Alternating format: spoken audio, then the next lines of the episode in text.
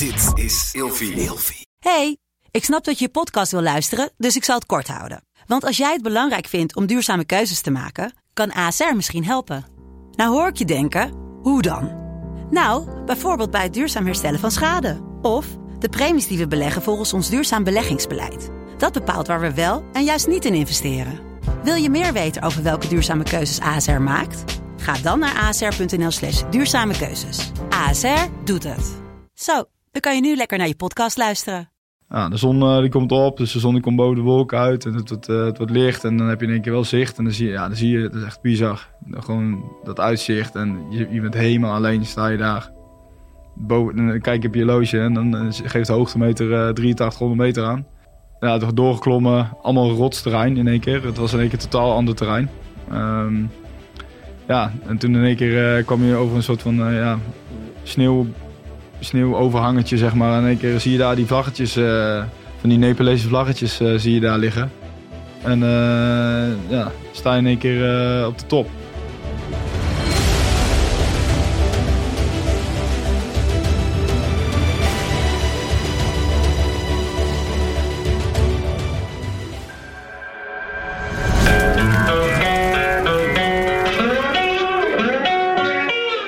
Welkom bij een nieuwe Scherpschutters. Vandaag is het weer oude jongens krentenboot, want eh, ik heb er een marinier tegenover mij zitten. Arjen, top dat je er bent, man. Ja, dankjewel. Ik, eh, vandaag gaan we het hebben, niet alleen maar over het feit dat, eh, dat je marinier bent, maar ah, jij bent eh, de eerste Nederlander die onlangs tegen de strijd voor kanker de drie, twee na hoogste berg Ja. na de Mount Everest, dan heb je de K2 en de derde be- berg is dan de, eh, zeg het goed, Kachchenjunga. Ja, goed. Ben je opgeklommen 8586 meter. Eh, dus daar wil ik alles over weten. Eh, jij bent zelf mountain leader Ja. bij het Corps Mariniers. Voor de mensen die niet weten wat dat is. Dat is best wel een bijzonder iets. Er zijn niet heel veel mountain leaders. Het is een hele zware opleiding eh, die je in Engeland eh, doet bij de Royal Marine Commando's. Ja.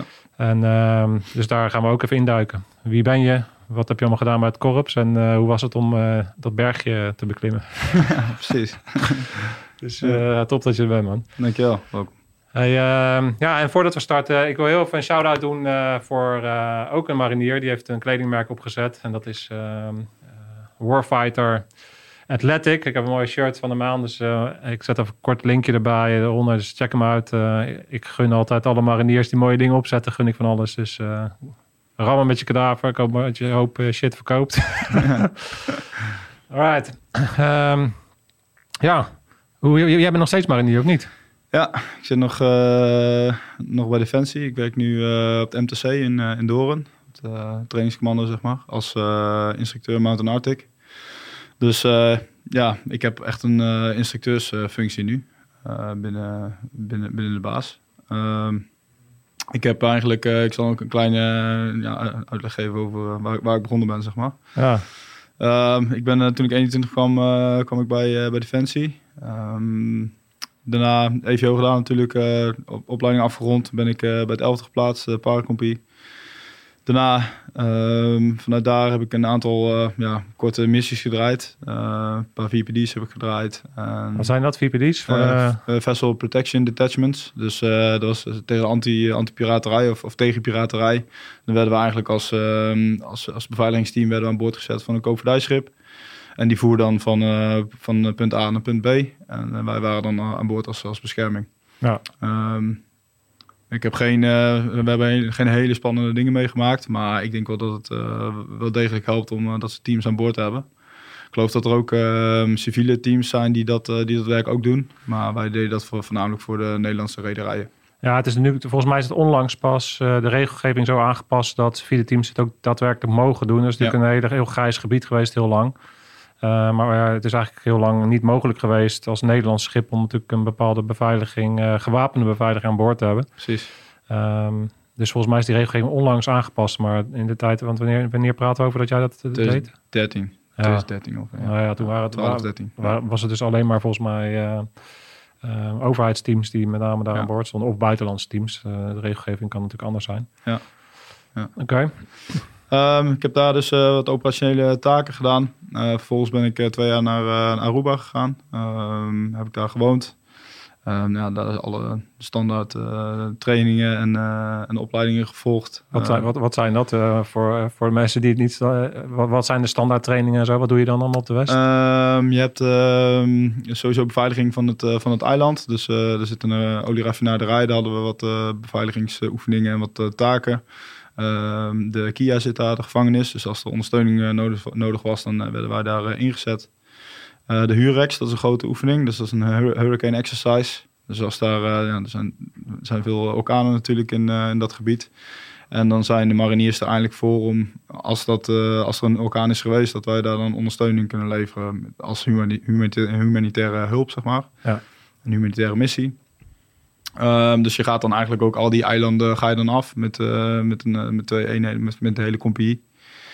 Ehm, en dan ga je al die shelters af en je gaat kijken welke gebieden, ja, eh, qua communicatie, waar je wel en geen communicatie hebt op het eiland. En dat wordt gewoon elke keer worden die oefeningen herhaald. Als dat mag toeslaan, dat je dan daar kan, kan ondersteunen.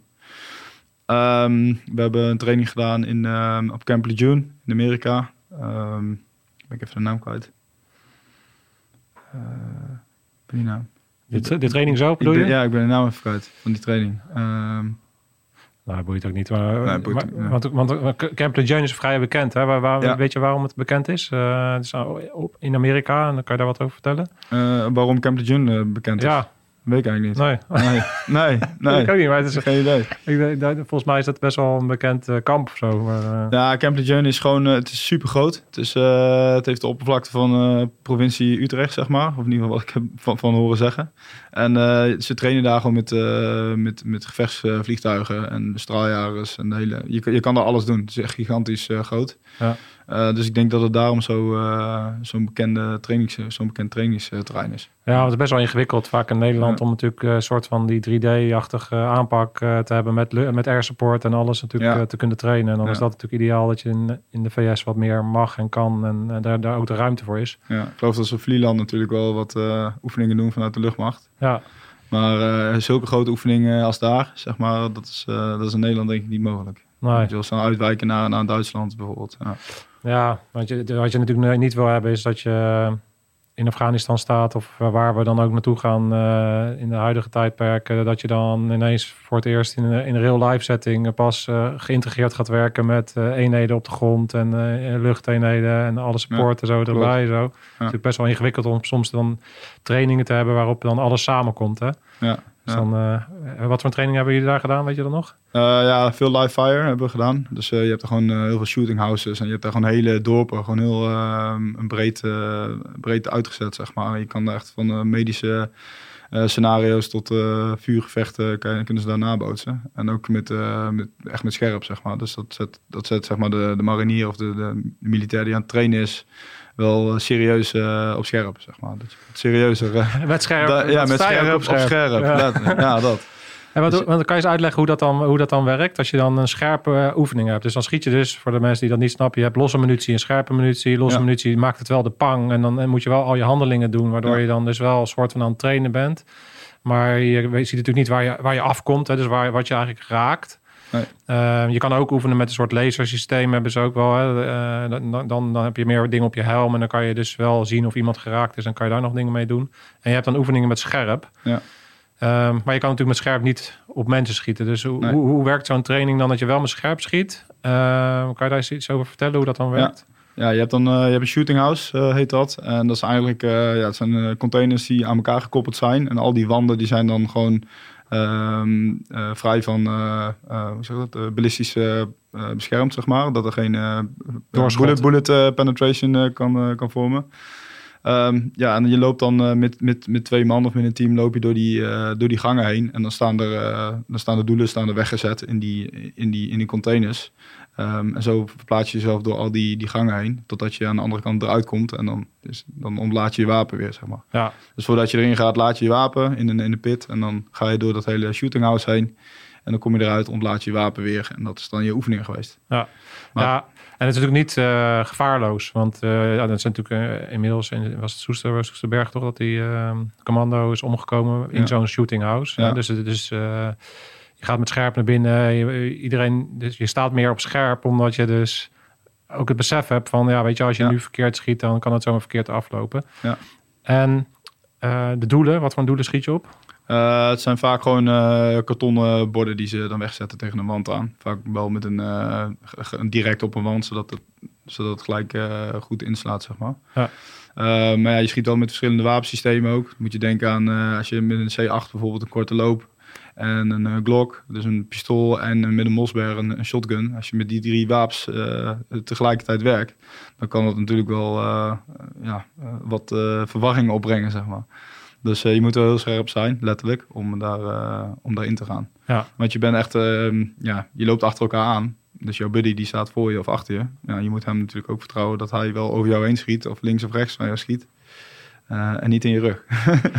Ja, ja dan heb je. Ik, ik kan me nog. Ik moet eraan denken dat ik nog wel. Ik heb een keer een Frans Guyana training gedaan met de legionairs. En eh, ik weet nog wat. Dat, nou, dan ben je eigenlijk onbekend met allemaal verschillende lui.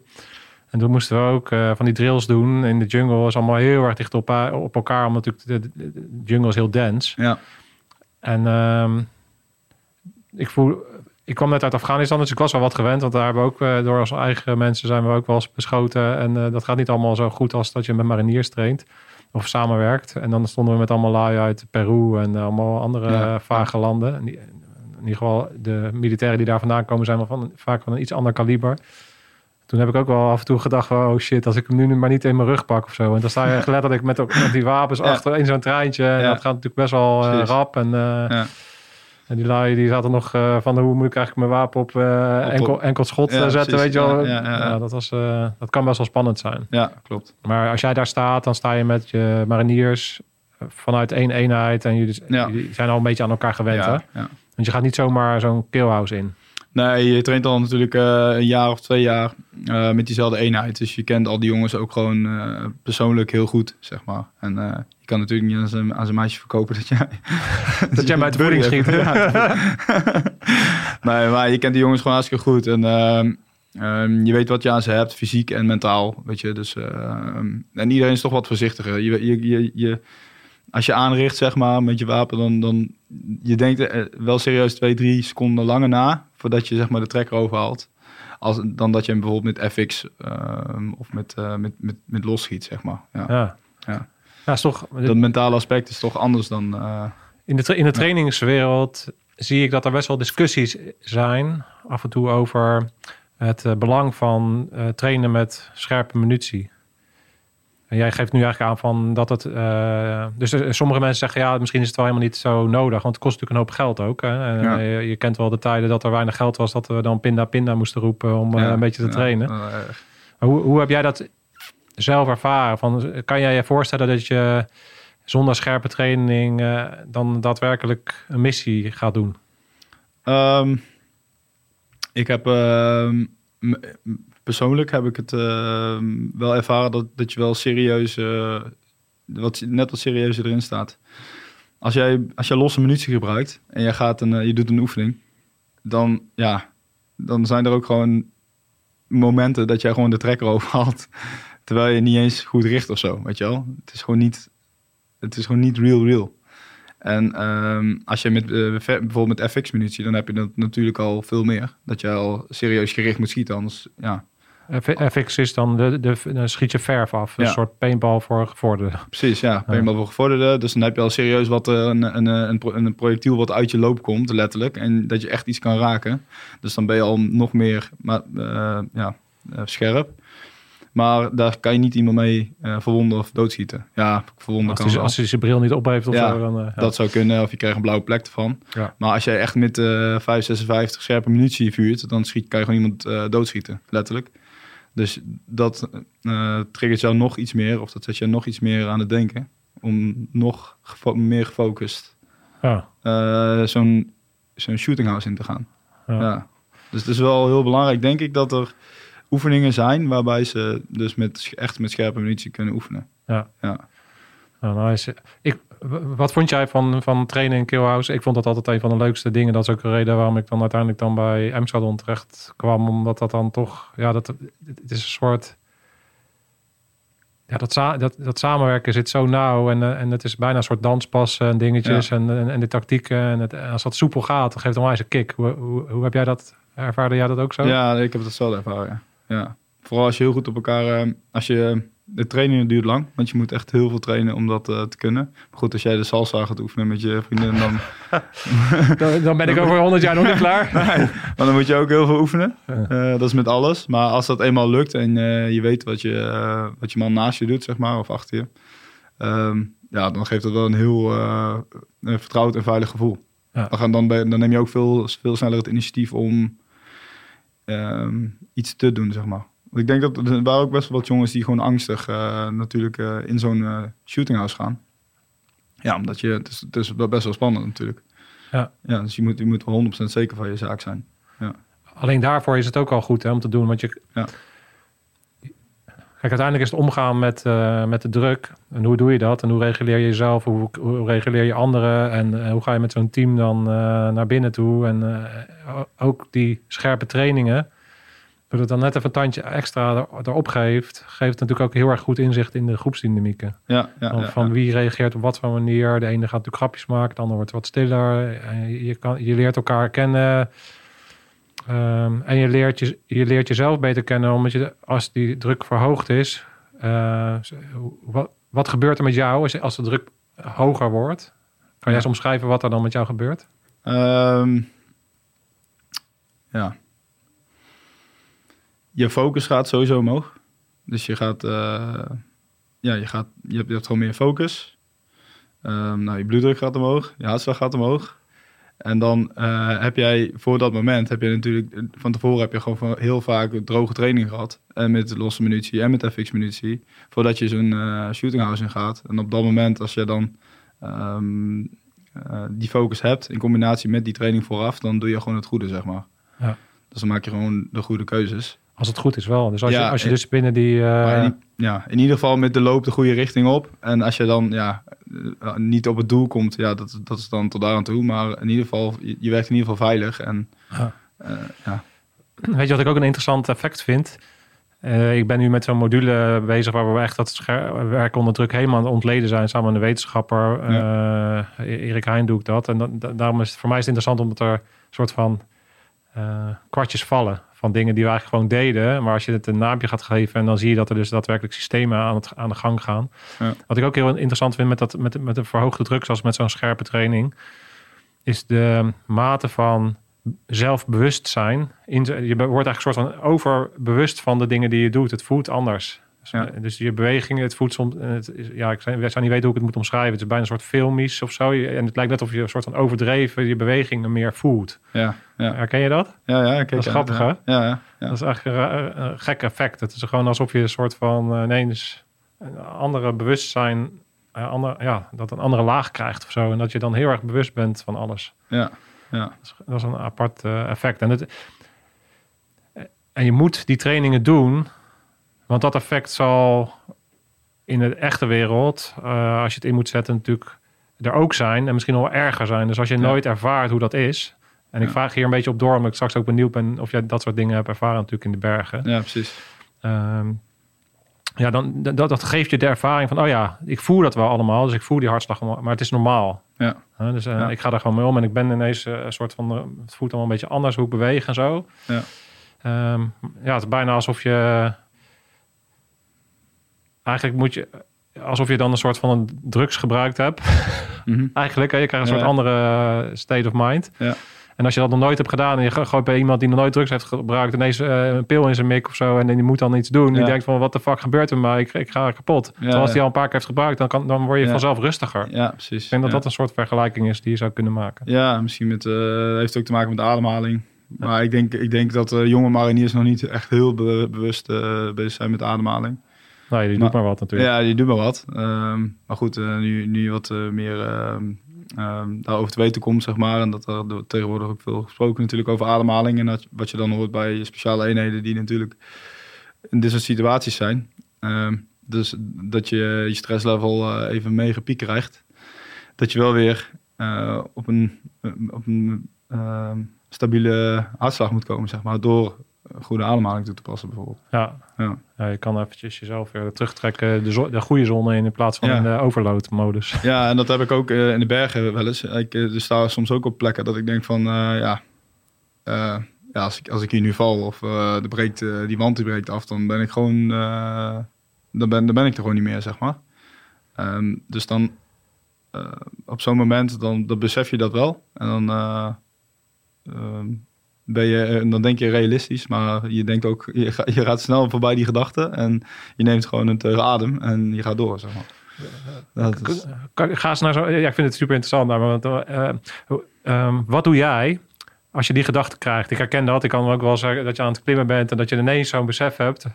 Dat je ineens denkt van, ja, ik hang, hang maar aan één touwtje of eh, en, eh, Ja. het hoeft maar dit te gebeuren en ik ben gewoon kapot. ja. Kan, kan jij, wat, wat gebeurt er nou met jou dat je dan weer, welke tools gebruik je eigenlijk om terug te, om daar weg te gaan? Eh, mentale kracht, denk ik. En wat is dat dan? Eh, Nuchterheid. ja, maar wat- is jouw, Ja, wat is ik- jouw gedachte? Wat, wat zeg je dan tegen jezelf als het nuchterheid is? Wat, Eh, niet zoveel eigenlijk. Ik probeer eh, juist mijn hoofd leeg te houden op, op zo'n moment. En gewoon eh, te doen waar, waar, ik, waar ik gewoon goed in ben. En eh, de training die ik daarvoor eh, heb gedaan, zeg maar, dat pas ik gewoon toe. En je gaat gewoon door. Ja. Dus ik blijf niet te lang zeg maar, op dat punt hangen. En ik ga er niet te lang over nadenken. Ehm, Ja, dus je, dus je focus je weer terug. Klopt het dat als ik zeg, ja, je focus je dan weer terug? Soort van wat ik vaak deed, is ik, ik focus, focus me extreem weer op mijn materiaal. Dan leid ik mezelf eigenlijk af van die gedachten. ja, Dus als je dan denkt, van, oh fuck, als dit. eh, en dan denk ik weer van, oh, concentreer je gewoon. Dus je moet jezelf terughalen naar, naar de taak. En dat doe ik vaak door, door naar mijn materiaal te gaan. ja, dat is slim. Ja, En het andere wat inderdaad, wat jij zegt, is een goede is van ja, je kan ook teruggaan van nee, maar ik heb het getraind. ja, Dus ik weet wat ik aan het doen ben of zo. Het is een soort rationeel ding, maar dat Ja. werkt wel om je dan even weg te halen daar. ja. Maar de dat neemt de realiteit niet weg. Als die, eh, een eh, objectief gevaar, eh, bijvoorbeeld een, eh, een serak die boven je hangt, een grote ijswand die afbreekt, ja, daar heb je natuurlijk een invloed op. Ja, dat is toch wel spannend als je daar een paar keer per dag diezelfde route op en neer loopt. Ja, Ja. Op een warme, ma- warm moment van de dag. Dat kan toch gebeuren. Als dat een lawine afgaat of iets dergelijks. Ehm, dus dat besef ik me wel. Ehm, alleen dat is ook, ik vind het heel lastig uit te leggen als je dus ehm, zeg maar gewend, gewend bent in dat terrein als alpinist. Ehm, en je, je vertelt het tegen iemand die dus eh, nog nooit in de berg is geweest. Die zich dat totaal niet kan voorstellen. Die denkt, eh, ja, die denkt je bent gek of zo. Weet je wel? Je bent, het is levensgevaarlijk dat je dat doet. Ehm, ergens is dat ook waar natuurlijk. Het is, ook, het is niet on, on, eh, ongevaarlijk. Ehm, maar goed, met de goede training en de goede eh, voorbereiding... kan je dat gewoon allemaal behoorlijk goed inschatten. Vooral tegenwoordig hè, met alle technische, eh, technische hulp die erbij komt kijken. Ze weten, ze kunnen bijna tot op de minuut kunnen ze bepalen wat voor weer het wordt bijvoorbeeld. Ja, dat scheelt wel met, eh, met een, of je een toppoging wel of niet eh, succesvol kan doen, zeg maar. Ja. En eh 30 jaar geleden ja, hadden, ze die, eh, hadden ze die technologie nog niet. Dus toen gingen ze omhoog, gewoon op goed geluk, zeg maar. Ja. Ja, ja het weer, uiteraard wel het weer lezen. Maar goed, het weer wisselt daar... Binnen twee uur kan het daar totaal omgeslaan zijn. Dus als jij dan op eh, 8000 meter zit en het weer slaat in één keer om... Ja, dan moet je toch... eh, dan ga je niet door. Dan moet je toch terug. Maar de terugweg is ook niet eh, heel veilig, zeg maar. Dus ja, je bevindt jezelf op een, op een plek dan... waar je misschien eh, ja, ergens wel heel- diep van binnen heel graag wil zijn. maar ja, misschien op dat moment ook weer niet. Zeg maar. Dus dan, dan is dat tentje toch heel erg fijn, zeg maar. Ja. ja, Ja, even die basics. Ja. Ja, Kijk, ik moet denken een beetje aan van ja, het is natuurlijk als er iemand daar naar kijkt en zegt dat je gek bent omdat je daar gaat staan omdat het levensgevaarlijk is, dan denk ik als je dat zou vergelijken, als je mij in de auto van Max Verstappen zou stoppen en ik zou met 300 gaan rijden door die bochten, dan is het levensgevaarlijk. Maar als Ja. Max rijdt, die weet wat hij doet en die heeft al die jaren getraind om, om dat op een om de risico's te mitigeren en natuurlijk dat op die manier te doen. Ja. We gaan nog even zo meteen door naar jouw mountain leader opleiding. Ja. Want jij staat natuurlijk niet als een of ander novice uh, als groen, uh, groentje daar die berg te beklimmen. Je weet natuurlijk donders goed waar je mee bezig bent. Want ook die, um, uh, bijvoorbeeld die lessen van durf terug te keren, dat is natuurlijk uh, bijna les 1 bergtraining, mariniers ook, weet je wel. Ja. Dus dat zijn allemaal van die dingen van, ja, die, afwegingen die je maakt, continu met alle gegevens die je hebt. Dat is natuurlijk heel erg mariniers-minded, weet je wel. Dat is wat je als marinier een soort van tweede natuur is. Je hebt Ja. gewoon allerlei input, je hebt allerlei informatie. En op basis van die informatie ga je allerlei keuzes maken. Linksaf, rechtsaf, rechtdoor, stoppen, doorgaan. Ja. Um, waar ik wel even benieuwd ben is van, ondanks dat je alle risico's kan mitigeren, heb jij dus wel een bepaalde overgave. Van als die, als die top valt, waar ik dan uiteindelijk. Ik heb niet op alles invloed. Dan heb ik er dus vrede mee dat ik ga eigenlijk. Ja. Dus zoveel hou jij van het feit wat je daar aan het doen bent. Dat. Dat heb je als marinier heb je dat gedaan. Ja. En ook als bergbeklimmer. Waar zit hem dat in? Ehm, je passieleven. Dat, ja, Dat is een heel makkelijk antwoord, denk ik. Ik denk als jij doet waar je, eh, waar je hart ligt en eh, daar volle 100% voor gaat, dan eh, ja, als je daar dan eh, mee omkomt, zo be it, weet je wel. Zo makkelijk is het, denk ik. Ja. Ja, en natuurlijk ehm, kan je dat, eh, natuurlijk hebben daar eh, externe, zijn daar externe eh, factoren die er invloed op hebben natuurlijk. Kijk, als je op een gegeven moment eh, een, een vrouw krijgt, of een meisje, en je krijgt kinderen, en dan, natuurlijk, dan denk je van tevoren wel een keer daarna van, ga ik dit überhaupt wel doen? Ehm, maar goed, zolang jij dat eh, voor jezelf ehm, ja, een plek kan geven dat dat nog niet eh, ja, binnen, binnen jouw cirkel van, van jouw passie komt, zeg maar. Ja, blijf je dat gewoon eh, zo, net zo lang doen totdat je er klaar mee bent. ja. Ja. Ja, Als ik dat- dat zo goed Ja. formuleer. Ik weet niet of dat... Ja, nou, ik snap helemaal wat je bedoelt. En ik denk zelfs natuurlijk dat ja, als je met het juiste meisje bent, dat hij dan ook wel snapt dat, dat Ja. hij dan ook dat risico soort van mede moet maken. ja, ze is mee geweest naar Basecamp. Kijk, ja, maar die, eh, ja. ja, die is mee geweest in Basecamp, mijn vriendin. Alleen die, eh, ze zei wel van, de, ik ga één keer mee. Ik weet wat het is nu. En eh, als je nog een keer wil gaan, dan ga je maar alleen. zoek het uit. Dan ga je niet meer mee. Blijft koud. Wat, wat, wat- waarom zei ze, zegt ze dat? Weet je dat? Eh, nou ja, zij heeft natuurlijk... ehm Basecamp was 5500 meter. En ehm, we zijn eh, uiteindelijk drie weken zijn we echt op Basecamp eh, aan het klimmen geweest. Vanaf Basecamp naar de top en terug. Ehm, ik kom zo meteen, vertel ik wel Ja, meer ja. over. Ehm, zij heeft gewoon drie weken lang op Basecamp gezeten. Ehm, met de Sherpa's en andere klimteams. En er is daar genoeg te doen. Het is geen Basecamp zoals eh, Everest. Wat, dat is echt gewoon een, eh, een stad, zeg maar, een dorp. Hier waren, een, een- ik denk, een team of eh, acht, eh, acht eh, expeditieteams die daar dan eh, hun dingetje deden op de berg. Dus zij had wel aanspraak overdag. En eh, ja, er, zijn daar, eh, er, zijn gewoon, er staat een kooktent, zeg maar, een, een, kitchen, eh daar wordt voor je gekookt. Gewoon ontbijt, eh, lunch en, en avondeten, zeg maar. Dus zij had wel aanspraak met die koks. En we waren best wel een echte groep geworden in een korte tijd. En ja, veel, je kan natuurlijk genieten van van het uitzicht. Maar goed, als je drie weken lang op één plek zit en je ziet elke ochtend word je wakker met diezelfde berg. Dat is natuurlijk super mooi. Maar goed, ik snap wel dat je na een week of drie, als je daar niet echt met een doel zit, dat je dan ook wel Ja. eh, er klaar mee bent. Snap ik.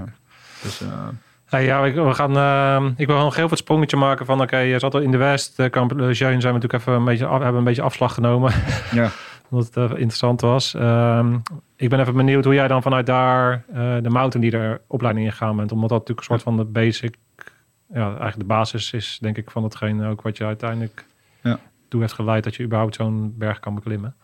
Ja, ik heb eh, naar de West geweest. Dan, kwam, ik kwam terug eh, na twee jaar de, vanuit de West, eh, 2015. Ehm, toen had ik, ik heb de ambitie gehad nog om naar de BSB te gaan. Dus ik heb toen de BSB-testdagen heb ik gedaan. Brigade Speciale Beveiligingsopdrachten Ja. van de is Van de? Marseille inderdaad. Ehm, daar ben ik, ik heb alles gedaan, alleen na de driedaagse was het niet goed genoeg. Ehm, en eh, ja, ik ben daarna gewoon, ik heb gewoon doorgepakt. Ik heb daar niet al te lang mee gezeten, zeg maar, omdat ik nog, eh, ja, ik was nog hartstikke jong en eh, ik wilde gewoon eh, rammen, zeg maar, gas erop. Ja. Eh, maar ik had voor die tijd had ik al wel zeg maar, de ambitie eh, in de bergen. Ik was al vaker alleen in de bergen geweest en ehm wezen wandelen en een keer een eh, C1, eh, zeg maar een, eh, een berg, bergsportcursus gedaan bij de, bij de Nederlandse eh, bergsportvereniging. Dus ik was er al wat in geambieerd. Ehm, ja, en toen dacht ik van ja, er is een, eh, een bergeenheid, een mountain leader eh, eenheid binnen het Mariniers. Ja, als ik daarbij kan komen, dat, eh, dan, zou, dan zou mijn, pas, of mijn hobby eh, letterlijk mijn werk worden, zeg maar. Dus ehm, ja, ik ben ervoor gegaan. Dus ik heb toen ehm, eerst de onderofficiersopleiding gedaan, de corporaalsopleiding. Want je moet officieel moet je eh, ehm, eh, corporaal zijn om zeg maar deel te nemen aan de mountain leader opleiding in, eh, in Engeland. En toen eh corporaalsopleiding gedaan van een jaar. En vervolgens vanuit eh, de corporaalsopleiding, ik was denk ik twee maanden thuis en toen ben ik gelijk de pre-ML ingegaan. En de pre-ML dat is eigenlijk eh, de selectie ehm, voor dat je naar Engeland gaat. Dus dan word je door jongens die al een mountain leader zijn, Nederlandse ML'ers, word jij, ja, bij mij was het dan vijf weken. Word je vijf weken lang word je nou, letterlijk aan je staat getrokken. Marcelendam nog steeds. Of, Eh, nee, we gingen niet naar Amsterdam, maar gingen eh, naar ehm, Engeland al. Dus Ah, eh, waar we ook de opleiding hadden vanuit de Royal Marines. Daar hebben wij ook, nou, tweeënhalve week hebben wij daar gezeten om daar te klimmen, zeg maar, op de rots. is Ja. het Cornwall? Cornwall, buurt? ja. Ja. Ja, ja. moet je jezelf voorstellen dat, je, die, dat die selectie, je komt daar op maandagochtend, kom je eraan. En in je, in je Baratea, Dat is je nette pak. je, je nette pak, kom je eraan. En dan eh, word je in de voorlichting gelegd in je Baratea. dus, als je we denkt, zijn begonnen. dus als je denkt eh, dat dat eh, alleen maar voor, voor hoe noem je dat? Hoe zeg je nou? Als je netjes voor de dag moet komen. Ja, Oh, oh, ceremonieel, zo, ja, die zocht ik. Dus als je denkt dat een baratea alleen maar voor ceremonieel is, je kan er ook gewoon in sporten, zeg maar. Ehm, ja, ik, vaak hoor je de vergelijking tussen eh, commando's en Marshof en eh, MLS. Dat wordt allemaal vaak op één hoop gegooid natuurlijk, hè. Ehm, ja, ik heb, ik, heb, ik heb niet een commandoopleiding gedaan. ook geen uh, marsopleiding. Eh, of in ieder geval niet de aptitude heb ik niet gedaan. Maar ik denk dat de pre-ML dat, dat, dat, dat wel, de- wel in dat cirkeltje hoort, zeg maar. Ja. Dat, dat is wel echt... gast op. ja, je wordt serieus, zelfs als marinier, zeg maar, eh, is het nog... eh, er zijn maar heel weinig mariniers, zeg maar, die dat eh, ook halen. Of die dat überhaupt willen. Want je moet dat gewoon ook echt willen, zoiets. Want je weet gewoon van tevoren dat je gewoon vijf weken lang helemaal maximaal... eh, ja, hoe zeg je dat? Uit elkaar getrokken wordt. Ja, dat, daar, daar, heb ik, wordt, daar heb ik dan een eh, andere associatie bij. Ah, ja, ik ook. ja, ik ook. Ja. Nee, maar dat is, de, de pre-ML, Mm. die is natuurlijk ook berucht eh, binnen de gelederen. eh, omdat er natuurlijk vroeger al werd gezegd van, eh, dat is ook typisch mariniers. Is ze sturen dan mariniers naar een opleiding bij gerespecteerde collega's. Van, eh, weet je, dit samenwerking tussen de Engelse en de Nederlandse is natuurlijk eh, ja, is heel belangrijk. En Ja. Is dat ze zeggen van ja, we, proberen de, de, de ML-opleiding al een soort van in het klein eh, te doen eigenlijk. Dus de, de, de, de eisen zijn, worden zo hoog gesteld, zodat we zeker kunnen zijn dat de mensen die daar doorheen komen van dusdanig kwaliteit zijn dat we daar ook met dat we daar ook achter staan op het moment dat ze beginnen aan de Ja. echte ML-opleiding. Klopt Ja. dat? Ja, klopt. Ja. Inderdaad. Precies dat. En eh, daar, ja, eindelijk een schepje er nog erbovenop. Dus je hebt zeg maar... ja, dus Ja, je dat, is, dat zijn mariniers. Ja, we moeten, moeten dus- even nog een ja. tandje erbovenop. Ja. Dus je hebt dan zeg maar de, ja, de ML-opleiding, dat is dan eh, uitgestrekt over eh, ja, een maand of acht, zeg maar, zit je dan in Engeland. Met daarbij nog de Nederlandse module daarna. Ehm, maar die acht maanden, dat hebben ze dan, de, de Nederlandse MLS hebben dat dan geprobeerd in vijf weken te proppen, zeg maar. Nou ja, dan kan je al nagaan hoeveel tijd je hebt. Dus, dus niet Niet heel veel voor jezelf. slapen. nee, je, je hebt geen tijd om te slapen en je hebt geen tijd om eh, andere dingen te doen voor jezelf. Je bent alleen maar bezig. Ehm, En, en, en dan leer je, ja, je, gaat fysiek aan de slag. Eh, je- ga, je dan eh, ga je meteen al klimmen of is er een bepaalde opbouw in? Ja, je komt zeg maar, ja, ik kan ook een korte Ja. introductie. Ik, ik ga niet alles verklappen voor de Ja. toekomstige MLS, maar ja, je komt gewoon op maandagochtend binnen en dan meld je je ja, in, Rotterdam. En dan eh, sta, je daar, eh, sta je daar klaar met, met jouw collega mariniers die ook eh mountain leader willen worden. En dan begint eigenlijk gelijk, ja, dan moet je inroleren zeg maar op die maandag. En eigenlijk die maandag word je gelijk al, ga je gelijk fysieke dingen doen. Je gaat gelijk rennen, springen en het water in en van allerlei mocht je wel omkleden of heb je dat allemaal in je nee, gedaan? Nee, je, doet, eh, je moet zeg maar in een soort van looppas eh, in je baratea over de kazerne om snel in te roleren. Maar goed, daar heb je vaak op één dag geen tijd voor, omdat er niet alle bureautjes zijn natuurlijk eh, open. Dus dat moet dan gedurende de week. Nou, de eerste week zit je in Rotterdam. Ja, en dan word je eigenlijk die eerste week, dan krijg je ehm, vaardigheden aangeleerd op het gebied van, van klimmen. Dus je gaat op de klimtoren, ga je klim, eh, klimactiviteiten doen. Je leert eh, over materiaalkennis. Je leert ehm, ehm, over eh, eh, eh, lesgeven in het Engels. Dus eh, vanaf moment één wordt eigenlijk alles eh, wordt in het Engels gedaan. Dus je praat gewoon vijf weken lang praat jij, eh, praat je Engels. Eh, van tevoren heb je al een eh, soort van interest lecture heb je voorbereid. Dus die, eh, dat is een, een, ja, een les die ga je geven van vijf van ja, in de pre is dat dan 20 minuten over een eigen gekozen onderwerp. En die geef je dan aan jouw eh, collega pre-ML'ers en, en aan de, de instructeurs. Ja, dat is belangrijk, hè? want je wordt dus eigenlijk niet opgeleid alleen maar om natuurlijk die berg te beklimmen, maar je, de, instru de instructierol die je gedurende Ja. het traject hebt, is heel belangrijk. Klopt dat? Ja, klopt. Ja, dus je wordt eh, eigenlijk is een mountain leader is eh, een lange afstandsverkenner. Daar word je voor opgeleid. Eh, maar je moet ook zeg maar als eh ML'er eenheden door de bergen en door artistisch terrein kunnen leiden. Letterlijk. Dus je moet gewoon een, eh, ja, wat wij dan met de bergen wintertraining doen, dan heb je gewoon 30 man eh, waar je meeloopt in een loopgroep. Ja, en eh, jij bent wel verantwoordelijk zeg maar, voor, de, voor, de, voor de veiligheid. Eh, eindverantwoordelijke, zeg maar. Maar ook eh, tactisch gezien en operationeel gezien heb je als mountain leader in Engeland dan, hè, dan ben je lange afstandsverkenner of IC van een, van een verkenningseenheid met, met zes man. Ehm, en dan ga je gewoon operationele operaties ga je draaien als, als verkenner, zeg maar. Ehm, ja, de pre-ML, de eerste week in Rotterdam, is, dan heel de eerste week in Rotterdam. Dus krijg je klimmen, je, krijgt, je, je, bent elke dag eh, ben je fysiek eh, heel druk bezig. Je hebt fysiek profiel, een fysiek profiel die je eh, af moet leggen. Je hebt zwemtesten. Ehm, je bent tot s'avonds een uur of negen ben je sowieso heel druk met fysieke dingen, klimmen, het water ingaan, over de hindernisbaan, noem maar op. Ehm, maar goed, je klimmaterialen, je klimmaterialen die je bij je hebt, die worden natuurlijk ook allemaal eh meegesmerig. Want, eh, je gaat gewoon door de zandbak en eh, noem maar op. Dus die materialen die moeten elke ochtend, is er dan inspectie om 7 uur. En die moeten elke ochtend wel weer ja, limpie limpie zijn, zoals we dat noemen. Dus dat moet helemaal schoon zijn, zonder zand erin. En dan gaan ze natuurlijk luisteren naar, dat, naar, die, naar die cams, weet je, die, al die materialen, of daar nog zand tussen zit. Die carabina's, of daar nog zand tussen zit. Ehm ja, er zit, eh, je denkt zelf dat natuurlijk dat er geen zand tussen zit, maar er zit altijd zand tussen.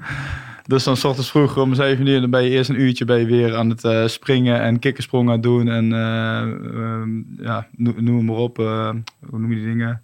Burpees, burpees, bear walks, de hele mikmak, alle bastards. de zwaarste oefeningen die er zijn, zeg maar, die ga je dan doen. Met al je klimuitrusting om, eh, uiteraard. Ja, en je loopt eh, gewoon vijf weken lang, loop je met eh, je zware rugzak, loop je op je rug. En je doet al je oefeningen, doe je eigenlijk met, eh, met je rugzak bij altijd, ten alle tijden. Nou, dat is dan de eerste week. Dan heb je dus wat uh, interest gehad van, van iedereen. Je hebt fysieke ehm, profielen heb je gedaan. Ehm, dan de tweede, dan heb je één weekend vrij. Dat is je enige weekend in de vijf weken dat je, dat je thuis bent. En dan maandagochtend moet je eigenlijk weer melden naar Rotterdam. En dan ga je eigenlijk direct richting Oorschot. En eh, dan heb je daar een hele kako, een heel kako, kaart en kompas eh, oefeningpakket, zeg maar. En dan ga je op de Oorschotszijde, ja, dat was dan bij ons, maar dat kan ook ergens anders zijn. Ga je daar een, eh, een, navigatie, een driedaagse navigatieoefening doen, drie of vier dagen. Ehm, ook daar zitten gewoon fysieke profielen aan vast met loadcarriers en ja, noem het maar op. Vanuit daar ga je, zijn wij dan nog doorgegaan naar Duitsland, naar de Eifel. Daar hebben we ook nog een, eh, een navigatieoefeningen gedaan. En eh, ja, een soort van hele lange verplaatsing van, eh, wat was het, eh, bij ons was het een uurtje of eh, 16 dat je aan het verplaatsen bent met, met een zware rugzak. En zelfvoorzienend. Moet je via een aantal punten moet je daar komen, zeg maar.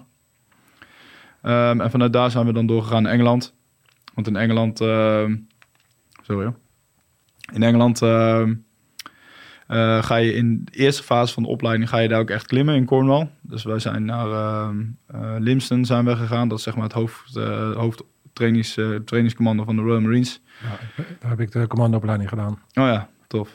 En vanuit daar zijn we dan naar Cornwall gereden. En hebben we daar eh 2,5 weken hebben wij geklommen zeg maar, op de rotsen van Cornwall. Dus dan heb je Shannon, eh Bosegren. ehm ja, Commander Ridge heb, heb ik nooit gedaan, maar dat, al die bekende klimgebieden, Lands End, die, die zijn daar.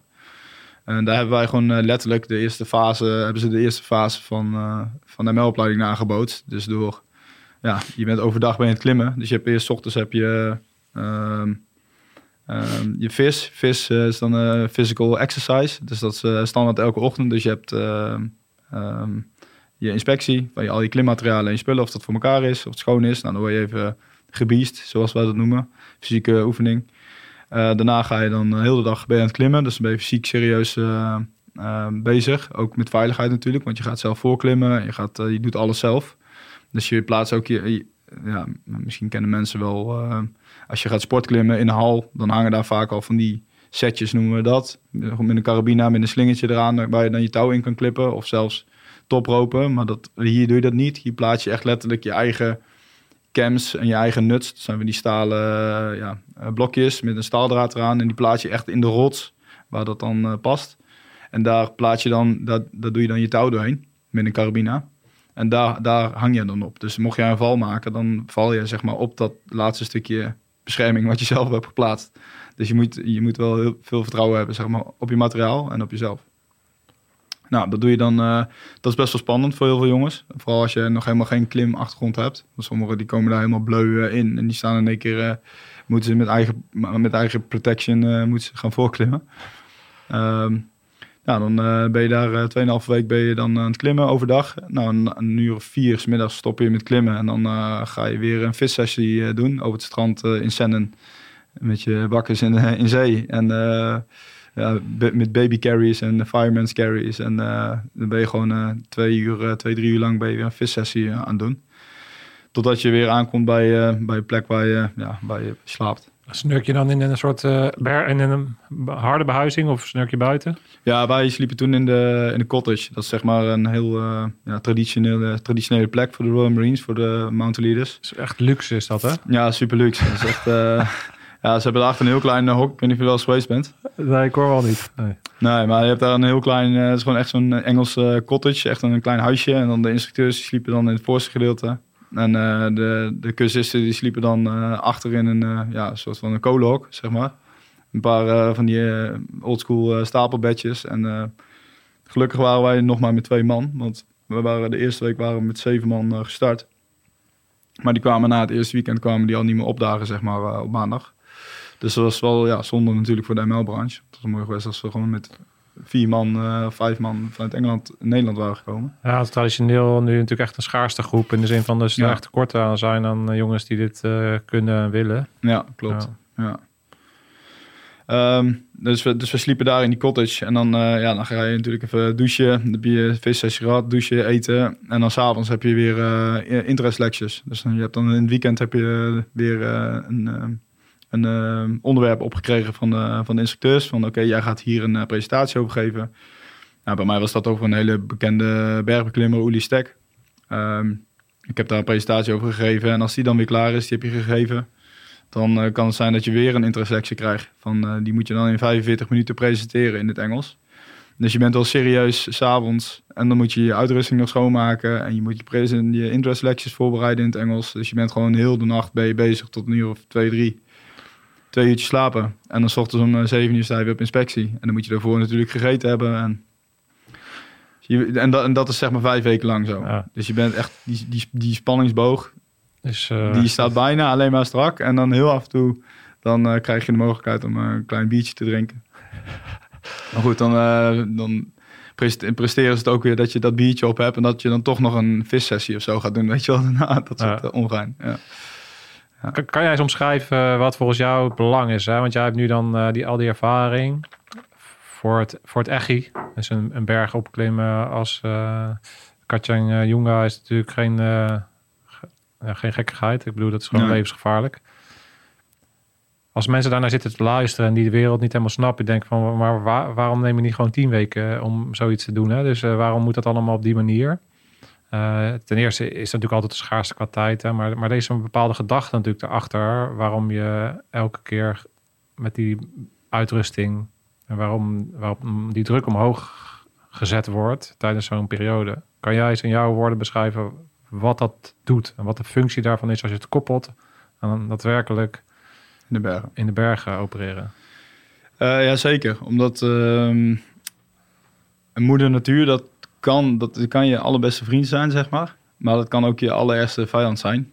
Uh, al zie ik het niet zo. Ik zie het als mijn allerbeste vriend. Maar um, het kan echt... De, de, de omstandigheden kunnen echt horrendous zijn, zeg maar. Als in...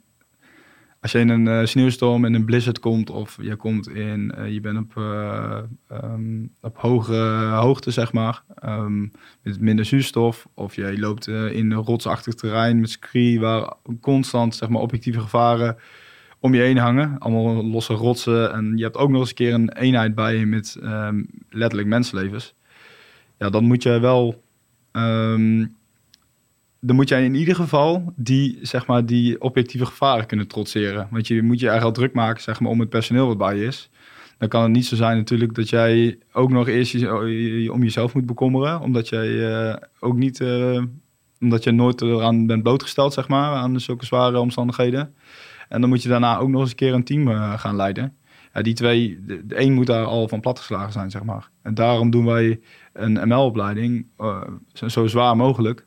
Om jezelf zo goed mogelijk voor te bereiden voor de meest zware omstandigheden. In, ehm, ja, in natuurlijk terrein. Dus in de bergen of boven de poolcirkel of ja, noem maar op. Ja, want ze zeggen vaak dat de, de drills, want waar jij over praat, als je het helemaal plat slaat, dan denk je, ja, eh, mensen onderschatten denk ik wat er allemaal bij komt kijken. En dan heb je het over puntje onderhoud. Hè? Dus dat, dat zand wat je zo mooi omschreef, tussen, Ja. tussen een karabiner of een dingetje. Of, eh, dat, dat, hoe je één ding doet, doe je alles. En in de bergen straft het je zo hard af natuurlijk. Ja. Dat is je één ding. Als je denkt op een gegeven moment, nou weet je, ah, vandaag wissel ik even geen sokken. Dus die discipline die je er zeg maar opdoet op dat niveau... en waardoor je continu die pijnprikkel krijgt van die fysieke afstraffing eigenlijk... Die is nodig ook dus om een soort van tussen de oren te krijgen... en in, in, je, in je werkwijze gewoon nooit ergens een compromis te doen... op die, op die discipline op het moment dat het erover gaat. Want, want ah, het Murphy's Law ken je natuurlijk ook. Als de dingen misgaan, dan gaan ze vaak allemaal tegelijkertijd Ja. mis. En als je dan een aantal van die schakels eigenlijk op een gegeven moment daar laks in wordt... Ja. Dus je bent dan niet genoeg, niet genoeg fysiek eh, gestraft, bij wijze van spreken. Dus je wordt daar lakser in. Dan kan het dodelijk zijn. Ja, ik heb daar een mooi voorbeeld. En eh, zat ik, daar had ik zelf ook een klein eh, foutje gemaakt. Toen was ik gewoon eh, civiel met een vriend waar, waar we klimmen in de Dolomieten. Ehm, en toen was het zeg maar rond het vriespunt, min 2. En overdag was het dan plus 5, een beetje zo. Alleen s ochtends, we zaten op een, op een westwand. Dus 's ochtends was het echt serieus koud nog op die, op die wand. Ehm, en de route was, was wel technisch. Dus we moesten klimschoenen aan. Gewoon eh, ja, klimschoentjes eh, met goede wrijvingsschoenen, zeg maar. Kon niet op bergschoenen met sokken, zeg maar. Dus ik moest met mijn blote voeten in die klimschoentjes. En ja, omdat het zo koud was en die klimschoentjes behoorlijk strak zitten, natuurlijk, eh, worden jouw voeten gewoon een soort van afgekneld. Een korte periode. Dus je klimt dan één pitch. Dus zolang als eigenlijk een, een touwlengte klim je uit. En dan maak je bovenaan die touwlengte maak je een standplaats. Dus dan maak je jezelf veilig aan de rots. En dan, eh, als je dan veilig bent, dan kan zeg maar jouw tweede klimmer eh, naklimmen. Die komt, dat was dan mijn maatje. Ehm, alleen ik heb dus eh, de hele route heb ik die klimschoentjes eh, aangehouden. Dus ik heb gewoon puur uit, omdat die wand, die wand was gewoon eh, vrij technisch. En ik had gewoon geen, ja, geen tijd of ik dacht gewoon niet aan om eh, even die schoenen te wisselen. Even, weet je wel, standplaats, rustig, ademhalen en dan je schoentjes uit. En dan even je andere schoenen uit je rugzak pakken, sokken aan, schoenen, gewoon normale schoenen aan, zeg maar. Zodat je voeten wat doorbloeding krijgen. En dat heb ik zo volgehouden, zeg maar, een pitch of eh, zes. Totdat we, ja, totdat we boven de, ehm, op een soort van band, eh, grasband kwamen, zeg maar. Eh, waarna de route nog een paar honderd meter verder doorging. Alleen op die grasband, daar kwam het zonnetje lekker door. Toen zei ik tegen mijn maatje Berend, ik zeg, nou, ik moet toch even mijn eh klimschoenen uitdoen. Dus eh, ik deed mijn schoenen uit. En toen waren al mijn tenen, die waren echt, echt alle bloed was eruit. Gewoon helemaal wit. Ze waren geen gevoel meer in, ehm, niks. Dus die, die, waren echt, die stonden echt op het punt te bevriezen.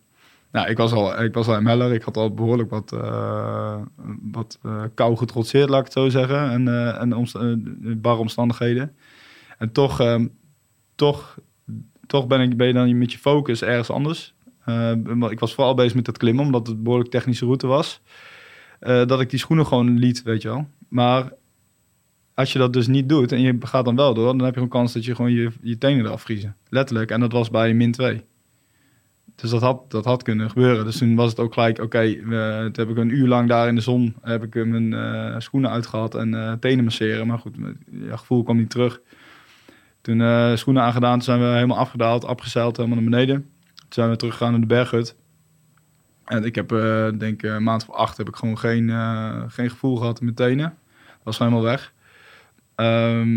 Eh, totdat op een gegeven moment wat tintelingen terugkwamen. En uiteindelijk steeds iets meer. En het enige wat ik nu nog over heb is zeg maar de toppen van mijn eh, grote, allebei de grote tenen. Die zijn gewoon nog steeds eh numb, zeg maar, gevoelloos. Dus ik probeer te zeggen van, als je Ja. dus...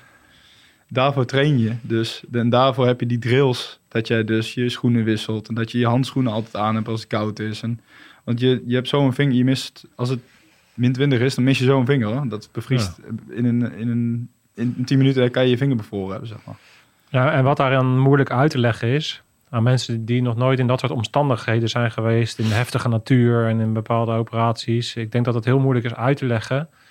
Want ik denk dat mensen die het nog nooit hebben gedaan, denken van, ja, maar je kan toch eventjes een schoen wisselen, maar jij omschrijft het al mooi. Van je staat, het is, het is een handeling. Elke, elke handeling in de bergen of uh, in zo'n operatie kost energie. Ja. En eventjes je schoenen wisselen is gewoon onwijs gedoe.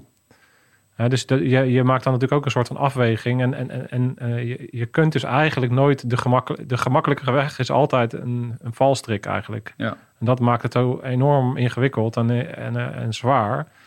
Waardoor je natuurlijk gewoon, uh, ja, waardoor je ten eerste makkelijk dus een foutje kan maken, maar waardoor je daar dus continu jezelf scherp op moet zetten en, en je zo'n enorme opleiding moet hebben om dat dus zo in je systeem te, te rammen. Ja. En daarom gaan er ook nog heel veel, uh, dan heb ik het even gewoon over civiele, het civiele wereldje, zeg maar. In de Alpen gaan er gewoon heel veel, zijn er gewoon nog super veel ongelukken. Puur door onervaren, um, door onervarenheid van de mens zelf. Dus mensen die nog nooit in de bergen zijn geweest en die hebben bijvoorbeeld geen handschoenen bij, of geen mutsje bij, of geen warme jas bij, of te weinig water, of dat soort ongelukken, dat soort mensen. Dat zijn de meeste die opgepikt worden door uh, bijvoorbeeld een Erzermat in, in dat gebied hè, in, in Zwitserland. Dat zijn de meeste uh, mensen die opgepikt worden erin. Allemaal onervaren mensen. En die heb ik ook gezien op de Kantje Jongen. Zonder, ja, gewoon mensen die uh, daar aankomen zonder, ja, je, hebt dan, je klimt dan met krampons. Hè? Dat zijn van die punten onder je, onder je bergschoenen, onder je klimschoenen. Ja, een klein beetje die ja, afstand. Er, ja. er komen gewoon mensen die, ik ga zo zitten. Ja. Er komen gewoon mensen die hebben nog nooit, die weten niet hoe, die, hoe zo'n krampon aan moet, weet je wel, aan je bergschoen. Wow. Ja, dan, dat, ik, ja, ik schrok daar een beetje van. Zo van, hoe dan, weet je wel. Ja. Dat is toch wel we zijn best wel een serieus terrein. Uh, als, als jij nou hier uh, omvalt, dan moet wie gaat, wie gaat jou dan weghalen of zo, weet je wel? Moeten dat die Sherpa's dan doen? Want die zijn dan, want die zijn wel verantwoordelijk voor jou. Ja. Als je met een Sherpa klimt. Ik denk dat dat ook het nadeel is van als je ook zo'n Mission Impossible, uh, die mensen die kijken dat. Dat is natuurlijk super grote gast in Nimsen, Nimsai. Die heeft dan meer dan een miljoen volgers. Een enorme film die door iedereen bekeken wordt. Mm -hmm dat soort bewegingen zijn natuurlijk heel gevaarlijk. Want als, je, als ik af en toe die foto's zie van Mount Everest, uh, dat is gewoon een soort, een soort uh, lijkt wel bijna een festival. Dus als je dan, het staat helemaal vol met lui. Ja. Wat dat natuurlijk doet, is een beetje hetzelfde, is een soort Kamp van Koonsbrug effect op het KCT. Het Ja. lijkt leuk, het reclame. Maar het enige wat er gebeurt, is dat allemaal lui om de verkeerde redenen gaan aanmelden. Oh, gaaf, een beetje Ja. uh, coole Ja. dingen doen. Ja, oké, coole dingen. Maar dus al die lui, die halen dat toch niet. Nee. Dus je krijgt wel een soort piek in je werving, maar het slaat allemaal nergens op. Want, Nee. want de want 99% van die gasten die zich daar eh, om die reden aanmelden, gaan het toch niet halen. Nee. En dat is hetzelfde effect wa- wat je dan kan natuurlijk hebben op de bergsport. Ja. Is dat dat allemaal lui aankomen die vooral komen om iets op Instagram te kunnen zetten en eh, stoere verhalen te vertellen, maar totaal niet het werk willen doen. Eh, wat je nodig hebt om om die omstandigheden verantwoordelijk eh, eh, ja, de sport te kunnen uitboeven. Ja. En, en nog een keer het gro- groter nadeel is dat het natuurlijk nog een bepaald eh, imago krijgt. Waarbij je dus Ja. inderdaad steeds meer mensen denken dat jij nog wel een gekkie bent of zo. Ja, klopt. Eh, ja, goed, goed dat je die link legt eh, naar, ook naar Nimstai bijvoorbeeld. Ik weet niet of we daar al over iets Ja, ik ook. Ehm, kijk, wat, hij, wat Nims eh, gedaan heeft, dat is natuurlijk ehm, ja, onwijs eh, knap en ehm, eh, heel sterk. Ja, hij heeft wel laten zien zeg maar, dat hij kan rammen, letterlijk. Ehm, ik weet hoe het is zeg maar, om op die hoogte te zijn. Ehm, het kost echt wel wat eh, energie en, eh, en mentale kracht zeg maar, om, eh, om door te zetten. Maar wat, hij, wat mijn persoonlijke mening is daarover, eh, hij heeft natuurlijk een beweging, eh, een beweging gecreëerd. Waarbij mensen dus, wat jij net zegt, eh, gaan denken van... Hey, hij, hij klimt even in zes maanden tijd, klimt hij alle 14 8000 dus. Zo eh, lijkt net of dat met twee vingers in zijn neus is. Eh, waardoor, daar de, waardoor er dus een hele beweging is ontstaan van hele onervaren klimmers. Eh, die zich gewoon aanmelden. Die hebben gewoon, er, is zat geld op de wereld natuurlijk. Die hebben zich gewoon aangemeld voor zo'n expeditie. En die gaan mee, want die willen ook daar op die top staan. Want dat lijkt allemaal best wel of dat makkelijk gegaan is. Want die, die, de, de, dat 14 Peaks, ja, die documentaire, hoe lang duurt die? Een uurtje of zo? Lijkt net of hij dat allemaal zomaar even afgetikt natuurlijk. Maar je wil niet weten wat daar aan vooraf is gegaan. Aan training en wat zijn kwaliteiten zijn. unieke DNA, denk ik ook. Uh, zijn VO2 max gehaald. Dus Ja. en dat soort dingen. Dat, ja, dat is, Ja, hij heeft toch Sherpa- buiten categorie. Ja, hij heeft toch Sherpa bloed. En eh Sherpa's hebben sowieso een gen, eh, gensplitsing al vanaf de geboorte. Dus die, hebben, die, die acclimatiseren gewoon veel sneller. Nou, ze zeggen dat... ehm dan moet je me wetenschappelijk even niet op mijn vingers stikken. Maar ze zeggen dat eh, blanke Nederlands... Of, nee, niet Nederlands, sorry. Blanke mannen... even eruit knippen. Mag je niet meer zeggen. Volgens mij witte mannen, toch? Witte, Nee, eh, ja, in ieder geval eh, een blan- blanke huidskleur, dat die eh, ehm, net zo goed acclimatiseren, maar wel langzamer. Dus die acclimatiseren wel tot dezelfde hoogte. Dat is ongeveer 7500 meter. Kan een, een, een, een, normaal lichaam kan acclimatiseren. En daarboven acclimatiseer je gewoon niet meer. Niemand. Geen één mens. Maar hun zijn daar gewoon heel snel. Dus hun kunnen, als hun op basecamp aankomen, 5500 meter, dan kunnen hun bijvoorbeeld de volgende dag kunnen hun gelijk al doorstoten naar eh 6, 7000 meter zonder de enige gemak, zeg maar. En wij hebben daar gewoon veel meer tijd voor nodig. Ehm, ja, en hij heeft dat voordeel inderdaad. En ook natuurlijk omdat eh, hij heeft dat in zes maanden tijd heeft hij dat beklommen. En hij is zeg maar in een helikopter van basecamp naar basecamp gebracht. Ehm, waardoor hij eigenlijk constant op die acclimatisatie, eh, op dat acclimatisatielevel blijft. Ehm, het is niet dat hij een maandje even in eh Kathmandu gaat chillen. En daarna weer doorgaat naar de volgende. Ik weet, nee, dat heeft hij natuurlijk niet gedaan. Nee. Maar in ieder geval, ehm, zijn hij is wel in Kathmandu geweest, maar dat is misschien een hele korte periode geweest. Dus je hebt nog maximaal eh, rode bloedlichaampjes in, jouw in jouw lichaam, omdat je toch al op die 7.500 meter zonder zuurstof bent geweest. Dus die volgende bergen, die worden natuurlijk wel fysiek, qua zuurstofopname, wordt wel wat makkelijker, zeg maar. Ja. Maar dat neemt natuurlijk niet geweg de enorme gevaren die erbij komen kijken. Want dat, dat terrein daar is zo onvoorspelbaar. Kijk, in de Alpen zijn heel veel routes zijn al zo vaak beklommen. Omdat het zo druk is natuurlijk. Dus heel veel paden die zijn, daar, die zijn gemarkeerd. En er zijn eh, vaste touwen hangen daar. En, ehm, ja, bij dit soort bergen is dat niet altijd. Wij hadden dan wel, wat, je dan expeditieklim is, dan wel ehm, dat er al wel vaste lijnen hangen. Dus eh, er zijn Sherpa-teams die worden gewoon ingezet en voor een seizoen, voor een klimseizoen. En een klimseizoen is zeg maar, ehm, moet ik goed zeggen, april, mei. Dat is eh, een klimseizoen. En september, oktober is vaak een klimseizoen. Want daartussen heb je dan de moesson in, in, in Azië. En dat is gewoon heel ehm, ja, ru- rurig, rurig weer, zeg maar. Dus dan proberen ze net daarvoor, want dan is het een soort van stilte moment in het weer, eh, in het weer en daarna ook in, september, oktober. En wij klommen dan in eh, april, mei.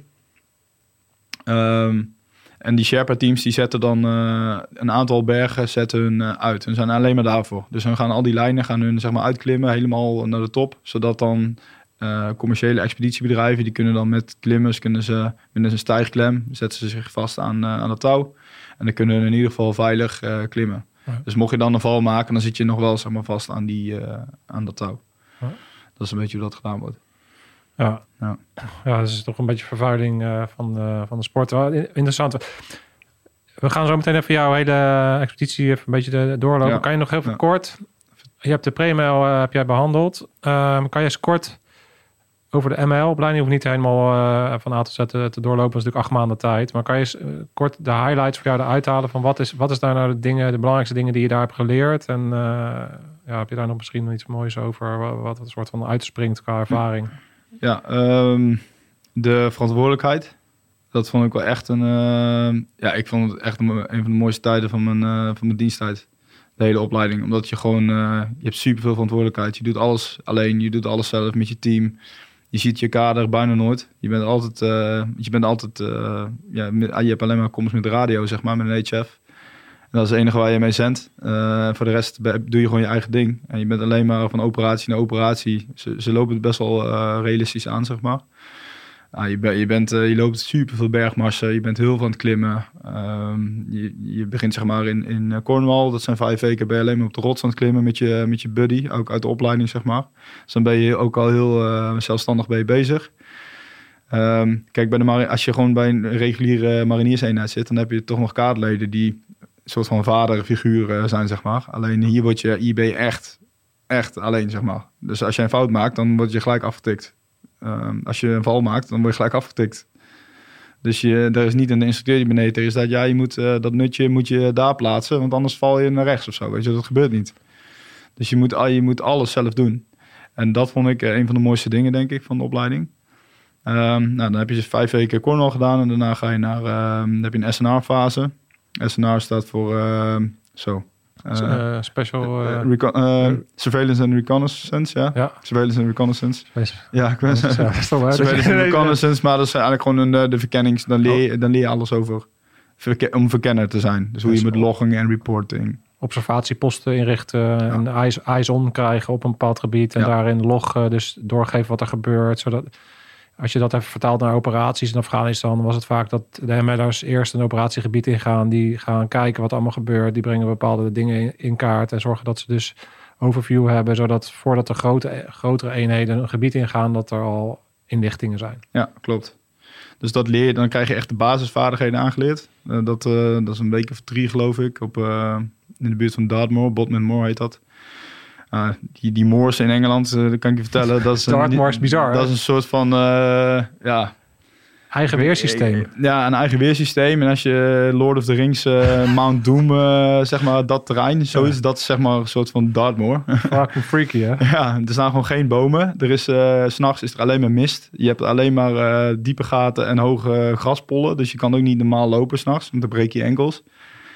Ja, het is gewoon een constant wind en regen. En het is gewoon Ik heb daar het, e- epic. het enige gebied waarin ik letterlijk in een uur tijd hagel, regen, bliksem, ja, alles. wind en eh, zon heb gehad. Weet je Ja. wel? Dat je dat, hoe, hoe, eh, hoe kan het? Ja, maar daar, daar voel je wel zeg maar echt de kracht eh, van de natuur. Dus eh, mochten luisteraars nog eh, een keer eh, zichzelf eh, willen prikkelen... dan moet je even een paar weken in Dartmoor gaan eh, rondhobbelen. Waar ook heel veel mensen verdwijnen trouwens. Ja, klopt. Er zit ook een eh, gevangenis zit daar eh, van die Engelsen.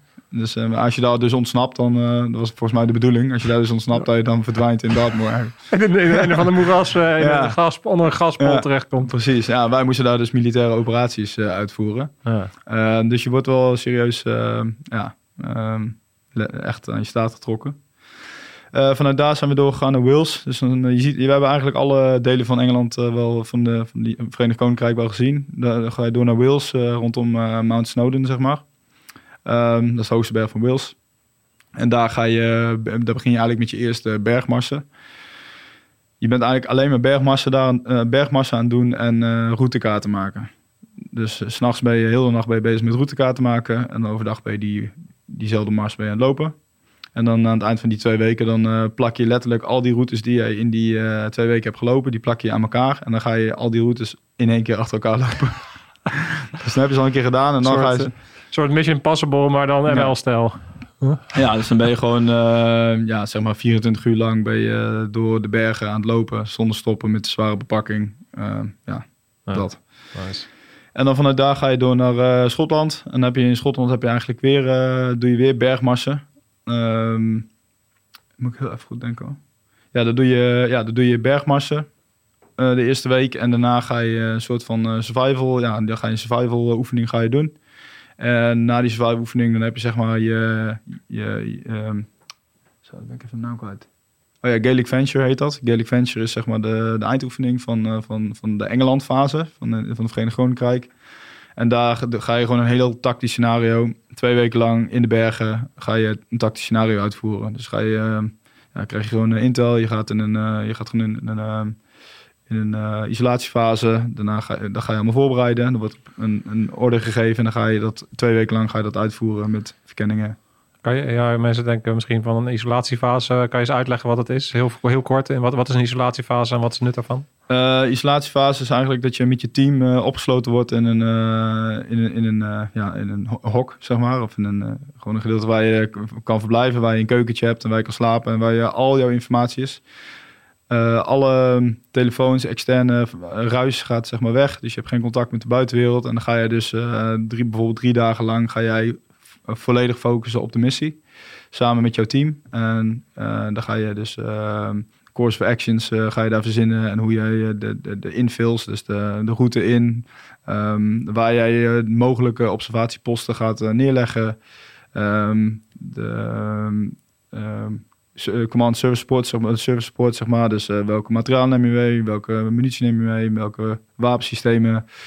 Alles wat zeg maar, te maken heeft met de missie, ga je daar in die fase ga je uitwerken, zonder dat daar externe ruis van is.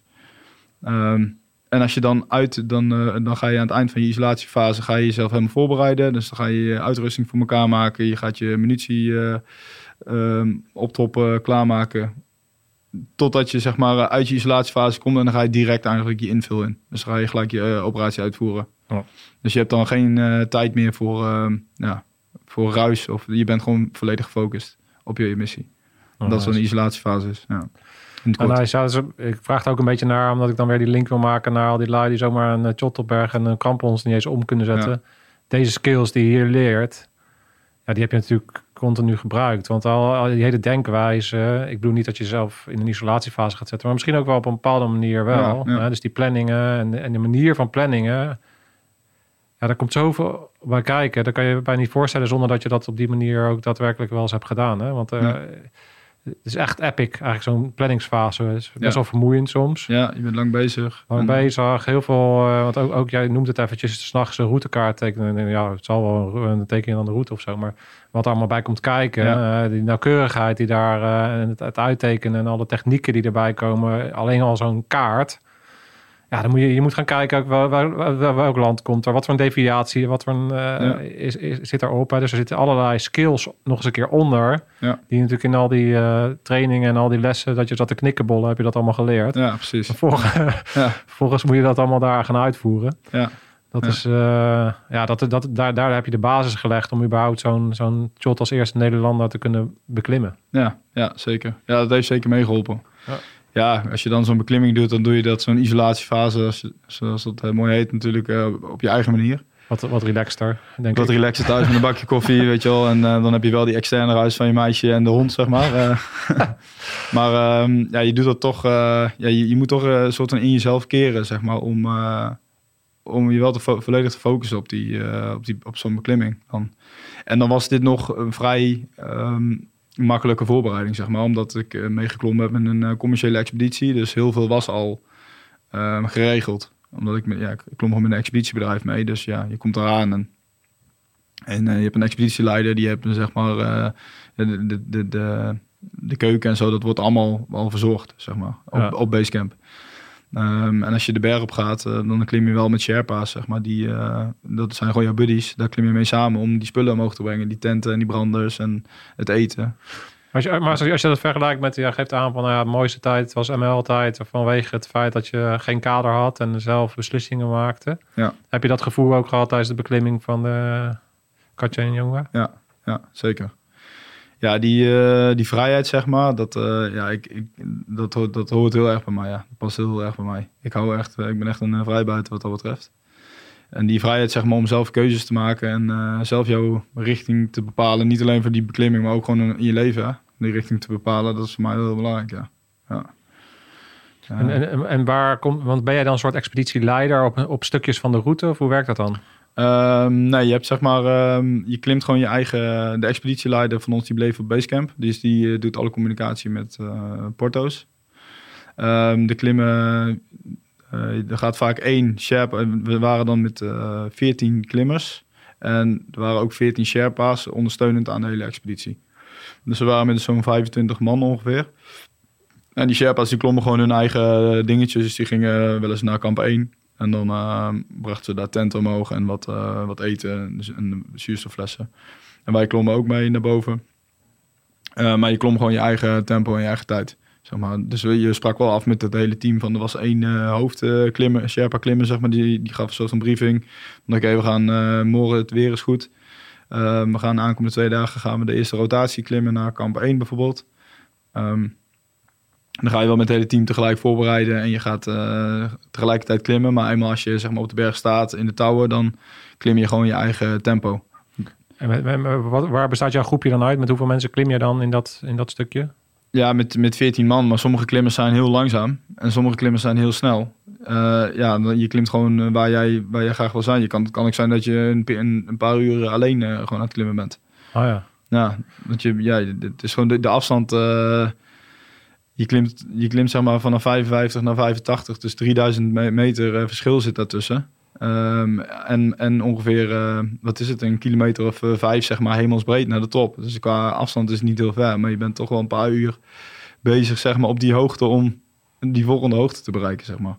Dus het kan ook zijn als je heel snel klimt, dat je gewoon een uurtje of anderhalf van alleen aan het klimmen bent. Ah, ja. Maar wij bleven wel, eh, we waren een paar klimmers waren wel aan elkaar gewaagd. Dus wij klommen dan wel eh, met z'n vier of zo klommen we dan bij elkaar. Ja. Ah, nice. Ja. Ja. Ja. want je hoort ook wel eens die verhalen. Want heb, je, eh, dat er dan dus eh, in Nims, bij, bij die documentaire van Mission Impossible was het ook dat er op een gegeven moment dan iemand tegenkomen. Dus die dan in zijn eentje gestorven is op die berg. Of, Ja, ja, ik kwam iemand tegen. Dat was op de Kangchenjunga. Oké. Ja, ja, daar kwam iemand tegen die uiteindelijk is overleden. Ja. Maar, dat- komt dus omdat je dus uiteindelijk toch wel een soort van, als, als het weer omslaat of iets dergelijks, of er gebeurt iets, dat je dus toch afgezonderd kan zijn gedurende dat stukje van die route die je dus doet van, van basecamp naar kamp 1 bijvoorbeeld. Ja, dat kan zeker. Ja, kijk, als jij ehm, al, al klim jij 200 meter eh, verder van, eh, van een andere klimmer. En dat, precies tussen die 200 meter valt een rots naar beneden en die snijdt de lijnen door. Bijvoorbeeld. Ja, dan kan het zijn dat de ene weg is en de andere daarachter nog staat. Zo van. Wat is er gebeurd, weet je wel? Er kan Ja. nog heel veel gebeuren. Op 100 meter afstand kan er heel veel gebeuren in de bergen. Dat elk stukje is eigenlijk ja, on, eh, onvoorspel- onvoorspelbaar. Ja. Ja. Wat heb, je, heb, jij iets, heb, heb je dingen meegemaakt eh, waarbij er dus mensen in gevaar zijn gekomen? Of, eh, Ehm, nou ja, zeker. De weg terug. Ik weet niet of ik dat nu al moet vertellen, maar misschien... ja, maar maak hem eerst maar chronologisch af anders. Ja, wel. Wel gewoon loos afmaken helemaal. Ja, maak maar even. Je, je, je bent dus iets, iets eh, de- op de terugweg is er iets gebeurd. Ja, ja. Oké. Ah, gek. Dus misschien kunnen we dat aan het eind eh, Ja, ja. vertellen. Nice. Ja, nee, eh, loop ons maar even er doorheen. Door de, door de hele, nou dan naar de beklimming. ja, oké. Ja.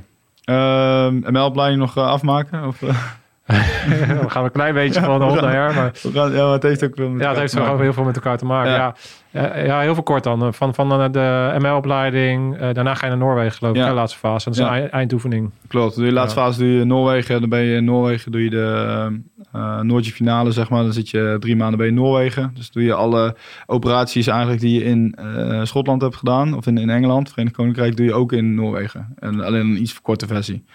Dus dan leer je alles eh, in het opereren van in de sneeuw, eh, boven de poolcirkel, in de kou, survival, alles erop en eraan. En dan Ja. doe je daar een eindoefening. Noordje finale heet dat. En eh, daarna dan, als je dat gehaald hebt, dan ben je Engels mountain leader. En daarna kom je dan terug, als je dat gehaald hebt, dan kom je terug in Nederland. En dan ga je in Nederland ga je dus nog ehm, twee, cert ja, twee certificeringen ga je doen. Dus dat is een, een winter, ehm, een wintercursus, een winteronderdeel. Dat is een week vier in de Alpen. Eh daar leer je dus tourskiën en eh, ja, klimmen en eh, technische handelingen, bergredding in, in sneeuwterrein. op de gletsjer, et cetera. En dan heb je ook vaak in juni, juli heb je ook nog een zomercertificering. En dan leer je ook weer bergredding en dat soort zaken allemaal in de zomer. Dus als er geen sneeuw ligt, dus op rots en op, ja, dan ga je hoogtoeren ga je doen. En dan, dan dat, dat is echt meer alpinistenwerk, zeg maar. Dat heeft niet zo heel veel te maken met de tactische militaire kant, maar dat is echt een technische alpine, zodat je echt hoog alpine eh, mensen kan begeleiden. Ja. ja. En daarna ben je, ja, dan ben je klaar en dan ben je eh, officieel En daar trots? mountain leader. Ja, Ja, ja. Wel, een- wel een eh, prestatie, denk ik, om eh, dat eh, zo te doen. Mensen die uh, Kamp van Koningsbrug-achtige dingen kijken, zie je natuurlijk heel veel over de eh, ondervragingsfase. Eh, volgens mij is dat ook vrij berucht. Ik heb hem zelf ook drie, ik heb drie keer zo'n ondervragingsfase gedaan. Eén keer bij de Engelsen ook. En dat vond ik toch wel de zwaarste.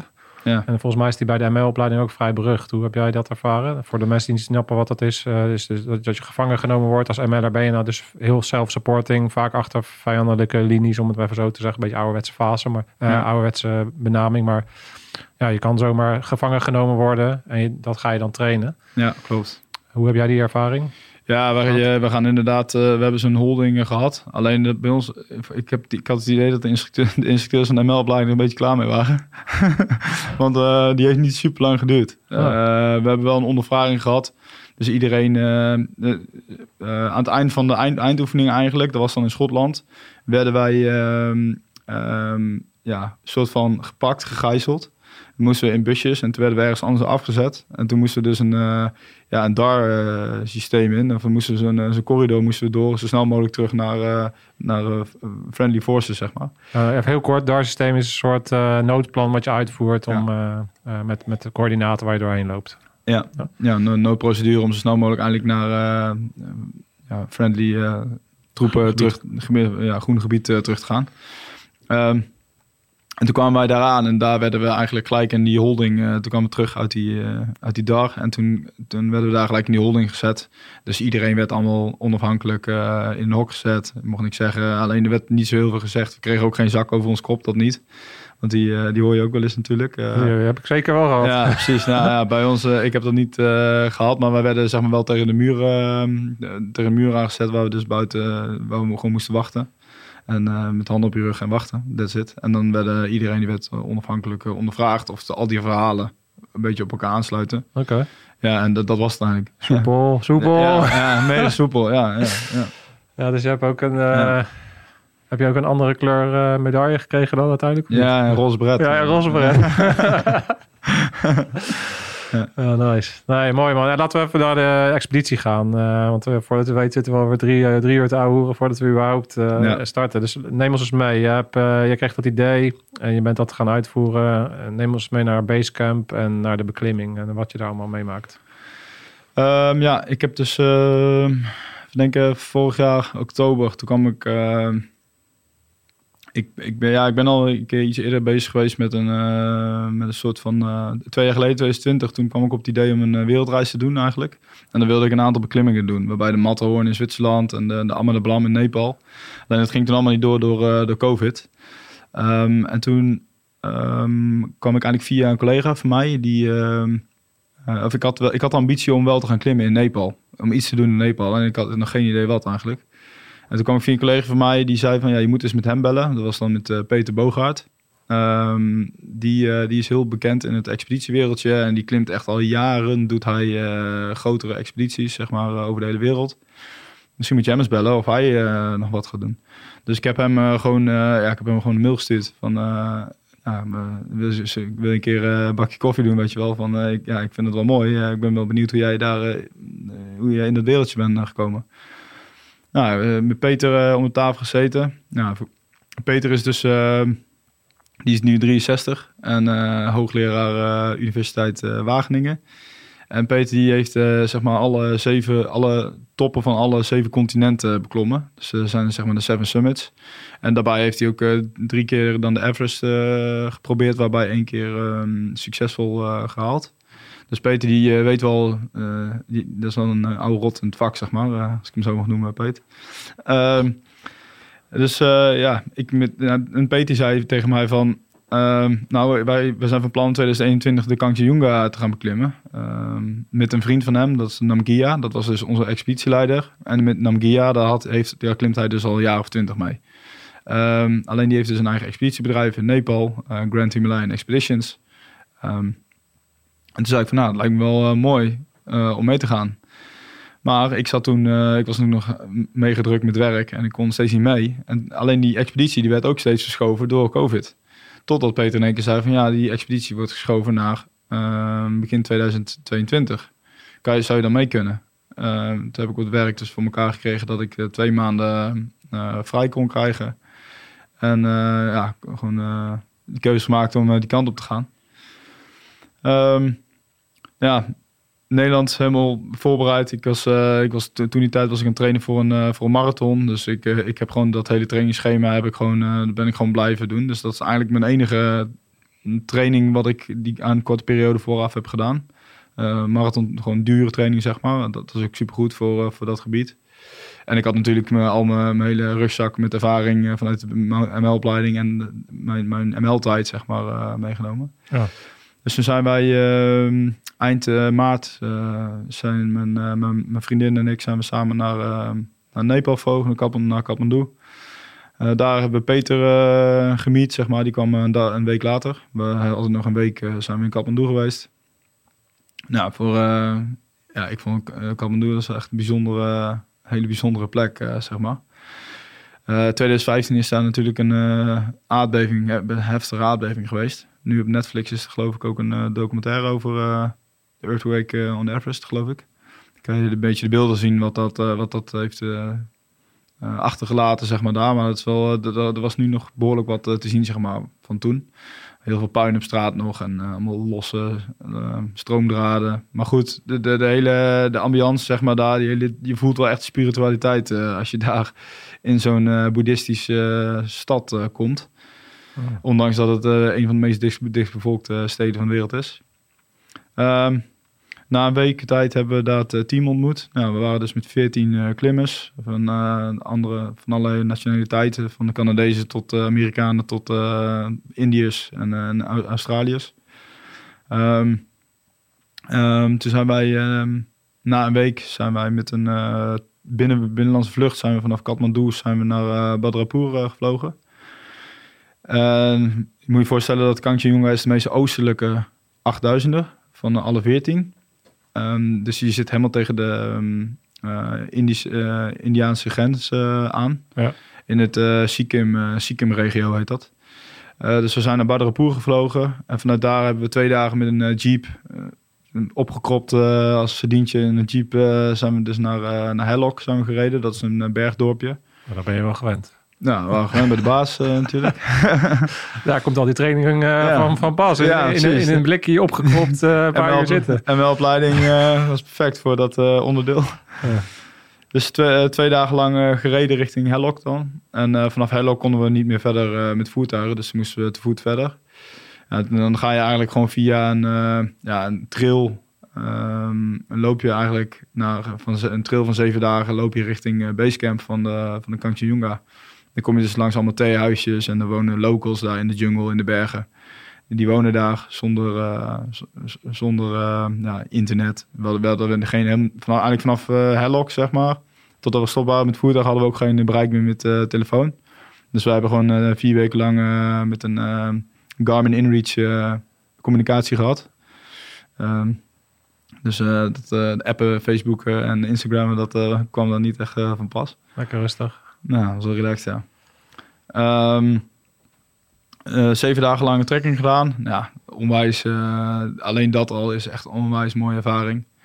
Dus eh, voor mensen die niet, niet, niet per se willen klimmen of alpinisme, dan is zeker zo'n zo'n trekking naar zo'n basecamp, dat is al aan te raden, want het is echt onwijs gaaf.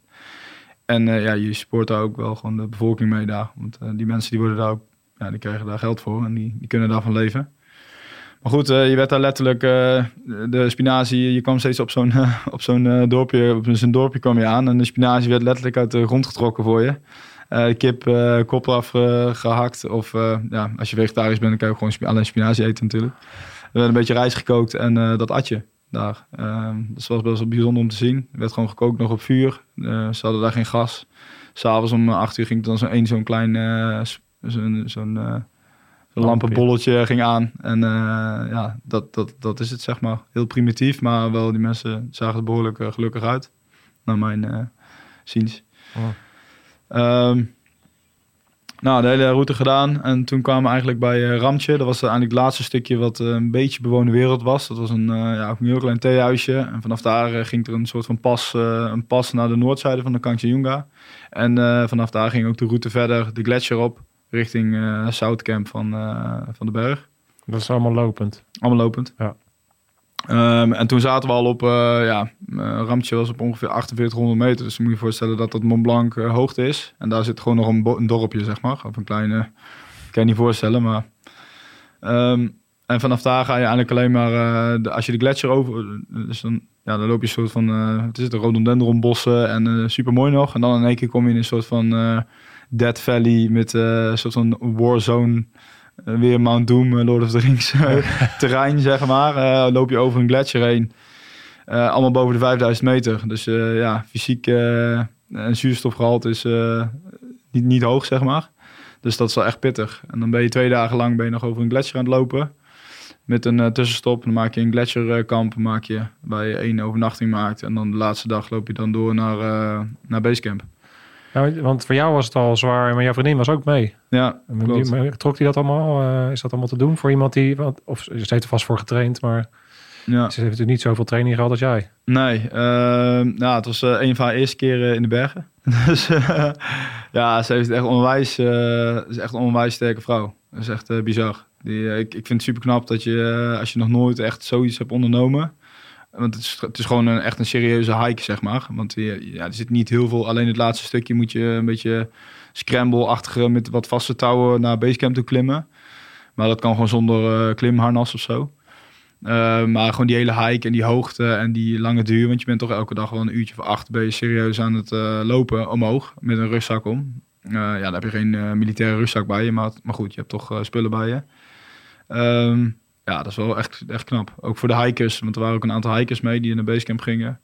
Ja, dat is wel, het is echt pittig.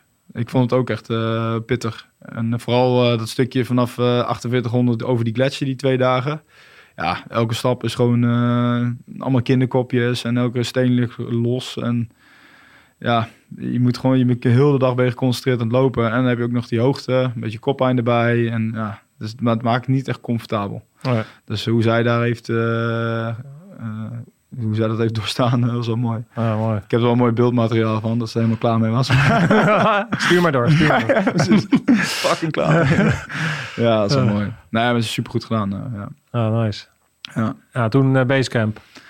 Ja, toen kwamen we aan de Basecamp. Toen uh, twee dagen lang eigenlijk uitgerust daar. Gewoon genieten van alles. De omgeving, een beetje in die routine raken van het, ja, het, Basecamp beleven, zoals ik dat noem.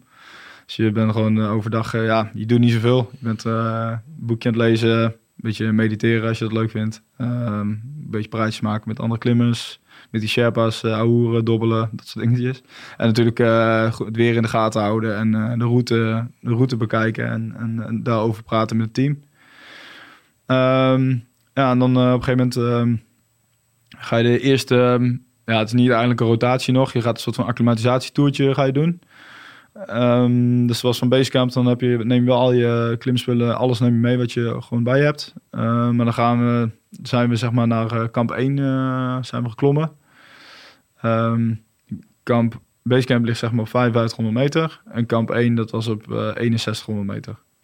Dus je moet je voorstellen dat je zo'n berg, die kan je natuurlijk niet, ja, een normaal mens kan zo'n berg niet in één keer vanaf Basecamp naar de top klimmen. Want dan, ja, dan, dan krijg je hoogteziekte of uh, erger, bijvoorbeeld ehm, long- of hersenoedeum, dat er vocht zeg maar in je, in je hersenen komt, omdat je gewoon te snel stijgt. Ja en je lichaam geen tijd krijgt om te acclimatiseren, dan kan je dan, ja, de dood kan als gevolg uh, zijn, zeg maar. Dus je moet dat rustig aan doen. Je moet gewoon, uh, je hebt acclimatisatietijd nodig. Dus je klimt dan, uh, wij klommen dan de eerste keer van 5561. Nou, ben je daar aangekomen gekomen en dan daal je gewoon diezelfde dag, daal, daal je ook weer af via dezelfde route naar beneden terug naar Basecamp. Oh ja. Dus je klimt hoog en dan slaap je weer laag, zodat je je lichaam krijgt nog de tijd om die rode bloedlichaampjes, uh, dat je zegt van hé, hey, uh, er is hier weinig zuurstof, ik moet meer rode bloed, bloedlichaampjes gaan aanmaken. Um, en dan uh, kom je er bovenaan en dan daal je weer af en dan rust je dus op basecamp. En dan heb je lichaam dus de tijd, wat meer, omdat daar meer zuurstof is, wat meer de tijd om zeg maar die, ja, dat proces af te maken. Oh ja. Dat is eigenlijk wat je doet met acclimatiseren. Ja. Um, dus dat was dan de eerste dag. Toen zijn we... Ja, ja afvragen, want je had natuurlijk best wel veel ervaring. Ja. Was het voor jou een soort van spannend? Omdat dan, je gaat dan de eerste keer en dan echt klimmen. Dus die, uh, naar, naar dat basecamp. Voelde je je comfortabel? Of was dat dan, is dat dan spannend omdat het toch een nieuw gebied is en een andere berg en een uh, andere druk misschien die daar is dan wanneer je misschien in Zwitserland of ergens anders aan het klimmen bent? Hoe, of, was het gewoon een walk in the park? Hoe, hoe, heb je dat beleefd? Um, nou, het ging mij op zich wel, het eerste stuk ging best wel goed, ging me goed af. Alleen de, de dimensies zijn daar gewoon, ja, dat is zoveel groter dan, uh, dan, Zwitser, dan de Zwitserse Alpen, zeg maar. Dus als je denkt van, ja, kijk in Zwitserland, als wij daar een, een, een, hut, een tour doen naar een, een top, dan lopen we vaak eh, in naar de hut slaap een nachtje in de hut en dan doe je die dag erop, doe je de top. Dan, loop je ja, dan klim je naar de top en dan ga je naar beneden weer terug naar de hut of zelfs helemaal terug naar het dorp, zeg maar. Maar daar ben je gewoon een dag aan het klimmen en dan, dan ben je zeg maar nog niet op locatie. Het is gewoon, en dan denk je van, ben ik überhaupt wel vooruit gegaan? Omdat het zo uitgestrekt en zo verschrikkelijk groot is allemaal. Dus daar ben ik hem wel, uh, heb ik me wel over verbaasd. Ik heb het niet onderschat, maar wel uh, dat ik dacht van zo, dit is uh, iets serieuzer dan ik dacht. Ja. Um, maar voor de rest, kijk, de sneeuw daar is hetzelfde als sneeuw in de Alpen, zeg maar. Het is, de, de, de, de, technieken zijn allemaal hetzelfde. Het is niet heel veel, veel spannender of zo. Maar goed, um, ja, je loopt wel... Uh, wat ik al eerder zei, je loopt al door wat gevaarlijke terrein eh, heen. Wat je in de Alpen natuurlijk ook hebt, maar daar heb je vaak wat meer geplaveide routes, zeg maar, die wat net wat veiliger zijn. Ja. En hier zijn, is er nog maar één voor route omhoog en zelfs die is ook nog niet, eh, niet onveilig, zeg maar. Ja. ja. Dat. Nice. Ja. Ja. toen weer dus op eh klimmetje gedaan. En eh, ga je daarna dan... Dan is de volgende stap natuurlijk om dan in camp eh, 1 te blijven. Ja, dus je gaat, ehm, we zijn dan teruggegaan naar Basecamp. Basecamp blijf je dan weer een dag of twee dagen als, eh, voor rust. En dan eh, ga je eigenlijk voorbereiden op je eerste rotatie. En de rotatie wil zeggen dat je dus omhoog gaat en dat je daar ook dan blijft. Ehm, nou, we hebben voorbereid om dan naar kamp 1 te gaan. Ehm, we zouden op kamp 1 dan eh, een overnachting maken. Die dag daarna zouden we doorklimmen naar kamp 2. Die zouden we aantikken en dan vanaf kamp 2 weer helemaal afdalen naar eh, Basecamp. Dat, Ah. dat zou dan eh, de eerste rotatie zijn. Nou, je, je, klimt dus elke keer datzelfde stuk. Omhoog en naar beneden, omhoog en naar beneden. Dat is, dat, dat is zeg maar expeditieklimmen. Je gaat steeds diezelfde route op en neer. Totdat jij goed genoeg geacclimatiseerd bent dat jij die toppoging kan doen. Dat is zeg maar de hele, Het spel. het spel en de cyclus. Ehm, dus we zijn ehm, naar kamp 1 gegaan. En toen ik op kamp 1 aankwam, toen ik had echt bizarre koppijn. Echt gewoon, ik heb nog nooit zo'n koppijn gehad, zeg maar. Dus ik wist natuurlijk van ja, dit is gewoon een hoogteziekte. Eh, en Peter, ik klom met Peter en eh, ja, die had eigenlijk helemaal nergens last van. Peter die zei dat eh, wat oudere mensen dat wat makkelijker, dat wat sneller acclimatiseren, omdat hun vaten wat dunner zijn, had hij het over. Dus die, dat bloed gaat allemaal iets soepeler door het lichaam, had hij het over. Maar goed, hij is, hij is medicus, eh, hoogleraar, dus eh, hij, zal het, hij heeft er wel heel veel verstand van. Maar goed, Peter had dus nergens last van. En ik, eh, ik dacht van, ja, ik ben mega fit. Wat, is dit nou weer, weet je wel? Ehm, maar ik was echt serieus, ik was echt serieus ziek van. Ehm, toch, die, Peter zei van, ja, maar probeer maar gewoon de nacht te maken. Nou, ik heb letterlijk een hele strip met Ibus opgegeten die nacht. Echt allemaal opgegeten. maar de koppijn ging niet weg. Ehm, dus ik zei eh, tegen Peter, ja, ik ga morgen... We, we werden ochtends dus wakker. Nou, ik had geen oog dicht gedaan heel de nacht. Ook niet gegeten. Want ja, als je eh, van die last hebt van die hoogte... dan heb je ook echt geen zin om te eten. Ehm, toen zijn hun met het team zijn ze doorgegaan naar kamp 2 die eh, ochtend. wat dus het plan was. En ja, ik zei van ja, ik ga naar beneden. Want het is gewoon, als ik nu doorga, dan gaat het helemaal niet goed. Dus toen ben ik met één Sherpa samen met twee zijn naar beneden gegaan.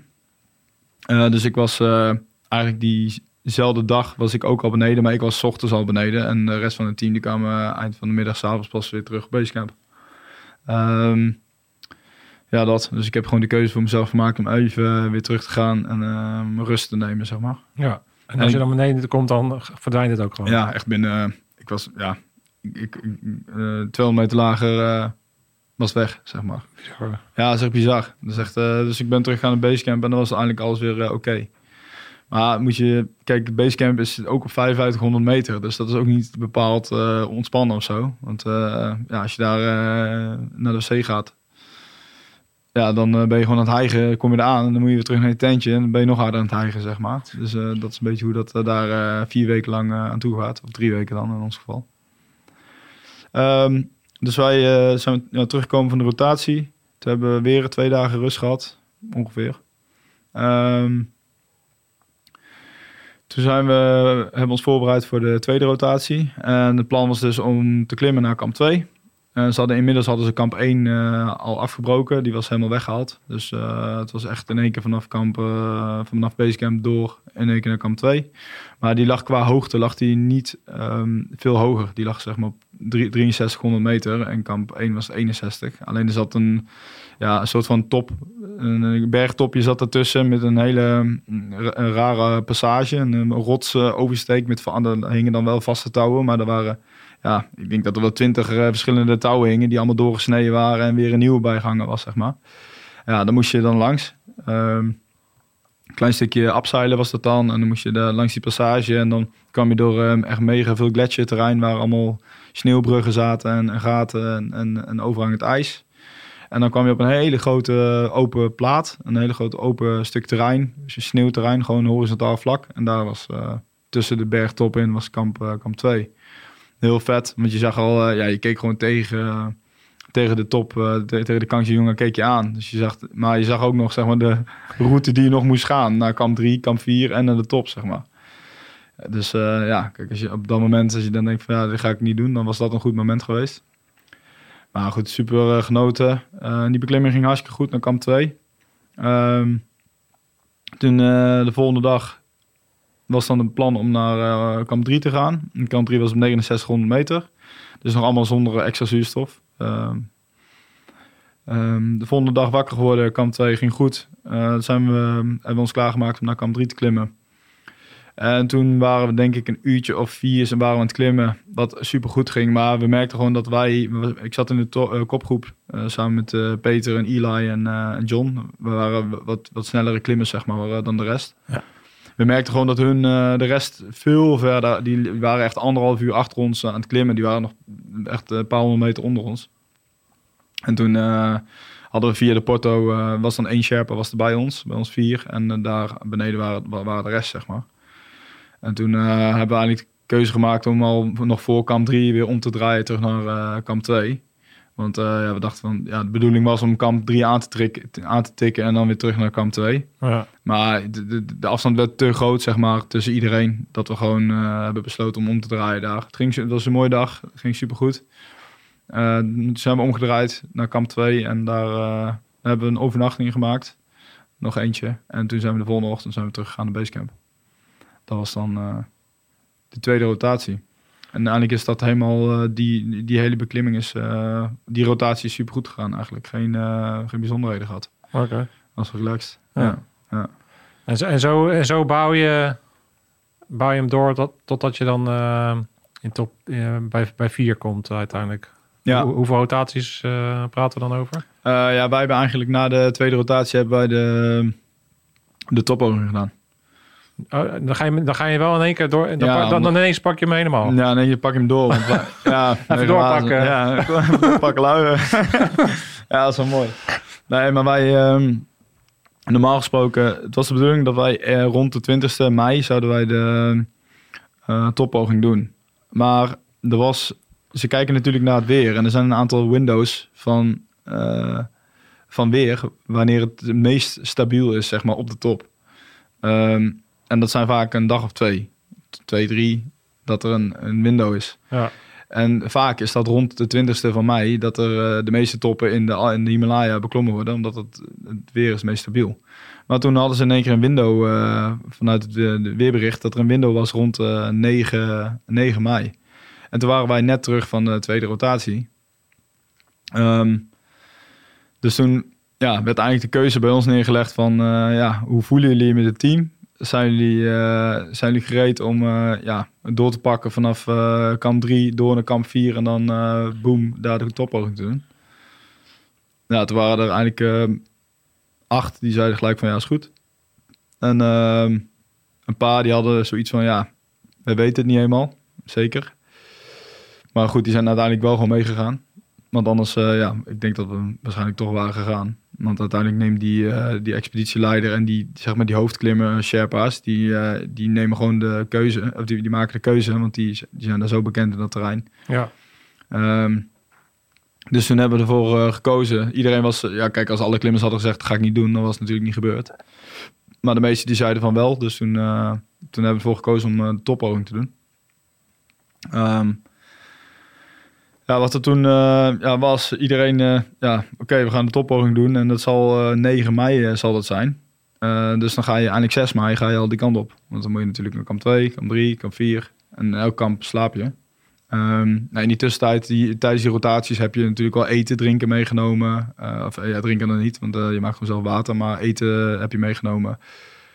Ehm eh, zuurstofflessen zijn er erboven eh, gebracht.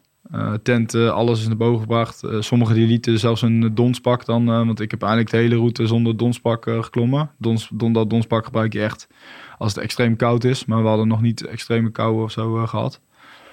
Ehm, de donspak legt mee, de me- meeste mensen leggen die in kamp 2 of kamp 3 neer. Zodat ze die niet elke keer mee, mee hoeven nemen. Ehm, nou, iedereen eh, zich eh, klaargemaakt voor, eh, voor de toppoging eigenlijk. Toen zijn we ehm, 6 mei zijn we naar kamp 2 geklommen. 7 mei naar kamp 3. Ehm, sorry, ik denk dat ik verkeerd zeg. Voor mij is 7 mei naar kamp 2. 8 mei kamp 3. Nee, en 9 mei de top. Zeg het verkeerd, denk ik. Nee, wel de zesde. Want je bent vanaf... 6, 7 en 3. Eén nachtje gemaakt. Toen zijn we de achtste. Ja, zo was het. Dus we zijn zes, ehm, nogmaals, zijn we 6 mei zijn we vanaf Basecamp vertrokken naar, eh, naar kamp 2. Toen de volgende dag zijn we doorgegaan naar kamp 3. Daar hebben we een overnachting gemaakt. En toen vanaf kamp 3 zijn we doorgeklommen. Dat was zeg maar 8 mei naar kamp, eh, naar kamp 4. En toen hebben we 8 mei die dag, eh, eind van de dag, om een uur of acht s s'avonds zijn wij begonnen met de toppoging vanaf kamp 4. S'avonds, gewoon in het donker. Ja, dus wat, er, eh, dus wat je doet. eh, de meeste mensen die klommen vanaf kamp 3, dat is dan 6900 meter. Die begonnen daarom met zuurstof eh, te klimmen. Ja, moet je voorstellen dat je een, gewoon een fles op je rug hebt. Met, eh, dus tot 4 bar kan je dat opendraaien met, met ondersteunende zuurstof. Ehm, ja, je klimt ongeveer, ik klom ongeveer met anderhalf, anderhalf bar. Eh, wat eruit kwam, want als je hem op 4 zet, eh, dan eh, blaast hij zoveel zuurstof, zeg maar, dat, je, dat dat ding ook zo leeg is. En je had maar drie zuurstofflessen per persoon. Als, je, als het snelste op is, dan is het gewoon op. Dus dan is het of einde, einde oefening, einde beklimming, of ja, dan kan ik iets ergens gebeuren natuurlijk. Ja. Want als je eenmaal met zuurstof gaat klimmen, dan is het wel serieus gevaarlijk. Als jij boven de 8000 meter in één keer dat zuurstof, van het zuurstof af bent, want dan krijg je een mega ja, Ja, klap natuurlijk. Ja. Ja. Dus eh, de meesten die begonnen vanaf kamp 3. Ja, ik heb geprobeerd nog zo ver mogelijk zonder eh, zuurstof te klimmen, extra zuurstof te klimmen. Alleen op een gegeven moment merk je gewoon als het hele team met, met klimt en jij eh, bent een beetje een pushen zeg maar zonder. dan merk je gewoon dat je op een gegeven moment veel langzamer gaat klimmen. Omdat er, zijn, er, er zijn alpinisten die klimmen zonder supplementaire zuurstof. Omdat ze dat, dat zien ze echt als een atletische prestatie Puristen. pu puur, ja, de purist klimmen. Ehm, ja, dat is gewoon een manier van benaderen. Dat is Ja. een manier hoe jij, daar, eh, hoe jij daar persoonlijk in staat, zeg maar.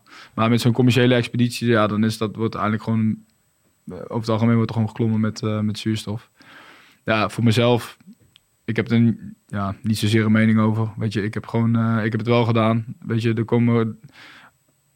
Er komen ook zoveel eh, andere facetten bij kijken als je dus zonder extra zuurstof gaat klimmen. Want Ja. dan, dan moet je echt je eigen expeditie gaan doen. Ehm, dan eh, gaat er veel meer tijd in zitten, want je moet veel langer acclimatiseren. En er zijn veel meer kans op, eh, veel meer kans op gevaren natuurlijk. Ja. Dat je niet meer terugkomt of eh, dat je tenen eraf vriezen. Want ja, hoe minder zuurstof je hebt, hoe sneller je extremiteiten, dus je, je vingers en je, je neus en je tenen, ehm, ja, gevoelig zijn voor, voor bevriezing, zeg maar. Omdat er gewoon minder zuurstof is. Dus wij hebben dat gewoon gedaan met. Ehm, ik ben denk ik vanaf ehm 7100 meter met zuurstof gaan klimmen tot kamp 4. Ehm, ja, en daar eh, is iedereen gewoon, de meeste die hadden gewoon het zuurstof weer af. Want dan ja, lig je gewoon stil en dan je kan, er is wel gewoon zuurstof daar, zeg maar. Het is niet dat je daar, eh, het is niet zoals onder water. Ehm, toen kwamen we aan, toen zijn we ochtends om 8 uur vanaf, vertrokken vanuit kamp 3. Toen kwamen we om 2 uur 's middags aan in kamp 4. Dat was dan 7200 meter. Ja, echt onwijs gave eh, uitzicht. Echt niet, je, zag, je kon, zeg maar, de Makkaloo, dat was op hemelsbreed. Ja, ik denk dat het, eh, gokje, 200 kilometer is of zo, afstand. Eh, die zag, die zag, zag je zeg maar de Makkaloo en de Everest zag je boven de sneeuw, boven, boven de wolken uitsteken. Ja, dat was wel dat was een onwijs gaaf, ja. een gaaf gezicht. Ik heb er super mooie beelden van ook, die, die zal ik later nog delen. Ehm, ja, dan ga je eigenlijk voorbereiden op die toppoging.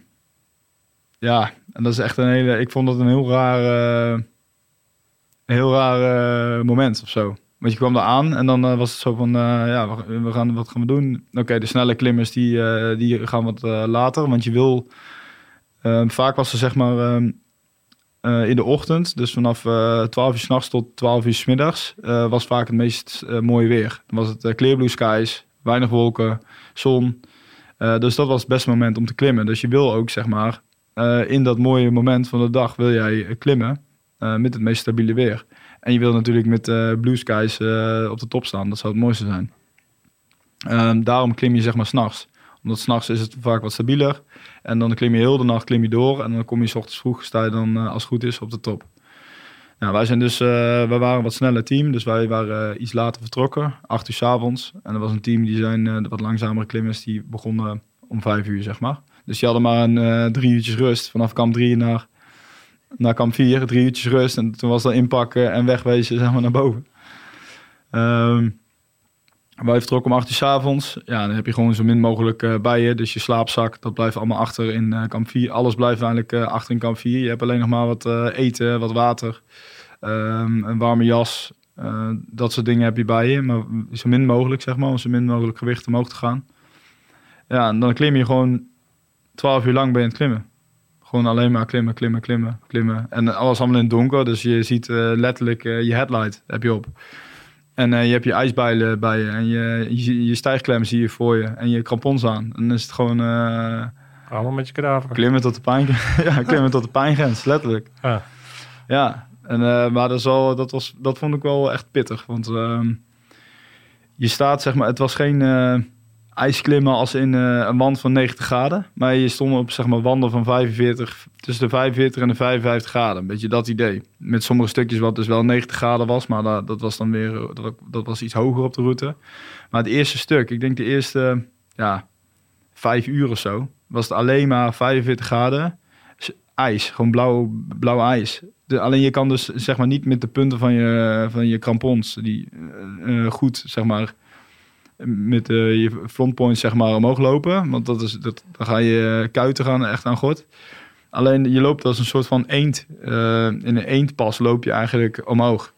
Ja, dat is gewoon killing voor je enkels en je dus maar je staat zo lang sta jij met die rugzak en sta je achter elkaar sta je daar dus ben je ben je aan het klimmen en er komt gewoon geen eind aan. Dat is gewoon dat wa- was wel even een momentje van oké eh, even dat knopje om zeg maar op de oldschool knop en eh, Wat doe ik hier eigenlijk?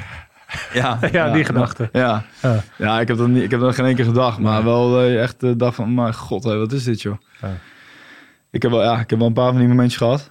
Ehm, maar op een gegeven moment komt dan, eh, kwamen we steeds hoger en hoger. En dat was heel lang van, dat, van zo'n wand. En op een gegeven moment werd het, eh, ja, werd sneeuw iets zachter of zo. En toen kwamen we tussen rotsen, want eh, de hele, ja, eigenlijk boven de 8300 meter is alles, alles ja, wat technischer en meer rots. En ja, er mo- moest ook wat steiler moesten we, moesten we klimmen. Ja, de zon eh, die komt op, dus de zon die komt boven de wolken uit en het wordt, eh, het wordt licht en dan heb je in één keer wel zicht en dan zie je, ja, dan zie je, het is echt bizar. Gewoon dat uitzicht en je, je bent helemaal alleen, sta je daar. Boven, en dan kijk je op je horloge en dan eh, geeft de hoogtemeter eh 8300 meter aan. En dan denk je van, holy shit, weet je wel, wat is dit? Best wel hoog. Ja, op zich Ja, eh, best, hoog. ja. Ehm, zijn gewoon bijna op de top van de wereld. Ja, ja zo, zo noemen ze dat, hè. Maar dat is, ja, het is wel... eh, die gedachte had ik wel. En ik heb eh, veel proberen te filmen ook eh, met, met een cameraatje. Mijn iPhone die was inmiddels al, die had het al begeven. Dus ik had nog ik had drie batterijen bij me van mijn Sony. Dus daar heb ik heel veel mee gefilmd. Ehm, ja, en op een gegeven moment eh, dan wordt het allemaal wat technischer. Dus toen eh, was het, eh, ja, ik, klom dan samen met, met Akash. Dat is een Sherpa. Ah, dat was ook zijn eerste 8000 die hij ging beklimmen als Sherpa. Dus dat was wel mooi. We waren allebei broekies. Ah, lekker die twee bij elkaar stoppen, dat komt wel goed. maar ook mega sterke jongen. Hij was 27 was hij. En wij klommen met z'n tweeën. Wij op een gegeven moment zijn wij gewoon gaan klimmen. Want we waren, we waren echt een stukje sneller dan, dan de meesten. Ehm, dus wij klommen gewoon lekker ons eigen tempo eh, omhoog. Want het is vervelend als je heel langzaam aan het klimmen bent. Terwijl jij weet van ik, ik kan best wel wat meer. Of ik, ik wil eigenlijk gewoon zo snel mogelijk naar die top. Want ja, snelheid is soms ook gewoon veiligheid hè, in de bergen. Ehm, dus eh, ja, doorgeklommen. Het ging allemaal uh, super goed. Een keer een, een zuurstofwissel gedaan. Maar dan merk je wel dat je dus dat dat wel serieus is. Als je dus even het zuurstof afgaat, dan ja. Stel dat, dat je helemaal zonder zuurstof zou komen te zitten, dan, uh, dan ga je het wel echt serieus uh, zwaar krijgen. Ja, ja dus. Uh, maar goed, we zijn we doorgeklommen naar de. ja, eigenlijk naar de, naar, gewoon naar de top. Dat was één uh, één teamlid van mij voor mij, John, een Canadees. Die was, ja, denk tien minuten voor mij, klomt hij voor mij met een Sherpa. dus die kwam net op de terugweg, kwam ik hem tegen. Hij zei, zei van, ja, ik, ben, ik kom net van de top af en nou, super mooi gefeliciteerd natuurlijk. En ja, toch doorgeklommen, allemaal rotsterrein in één keer. Het was in één keer totaal ander terrein. Um, ja, en toen in één keer kwam je over een soort van ja, sneeuw sneeuwoverhangetje, zeg maar. En in één keer zie je daar die vlaggetjes, eh, van die Canade eh, van die Canadese vlaggetjes. Van die Nepalese vlaggetjes eh, zie je daar liggen. Ja. En eh, ja, sta je in één keer eh, op de top. Ja, dat was best wel onwerkelijk eigenlijk. Maar goed, het nadeel was dat het ehm, behoorlijk mistig was bij ons en eh, behoorlijke wind. Ik denk dat er eh, ja, tussen eh 20, 25 knopen wind eh, stond boven. Dus eh, we hebben niet echt heel eh, goed kunnen genieten van het uitzicht. We zijn daar vijf minuten zijn we daar op de top geweest. Ja, je bent helemaal niet bezig met eh e- eerste Nederlander of zo. Nou ja, ehm, ik wist natuurlijk, ik wist natuurlijk dat ehm, ik was met Peter. Dat was mijn eh, Nederlandse eh, compagnon, zeg maar, waar ik daarmee was. En op Basecamp waren Cas van Gevel en Wilco van Rooyen. Ik weet niet of je die kent. Ja, dat, De bekende bergklimmers, bergklimmers. En ja, dat zijn echt specialisten in het vak. Die, die klimmen al hun hele leven, zeg maar. De, dat is echt de generatie voor mij.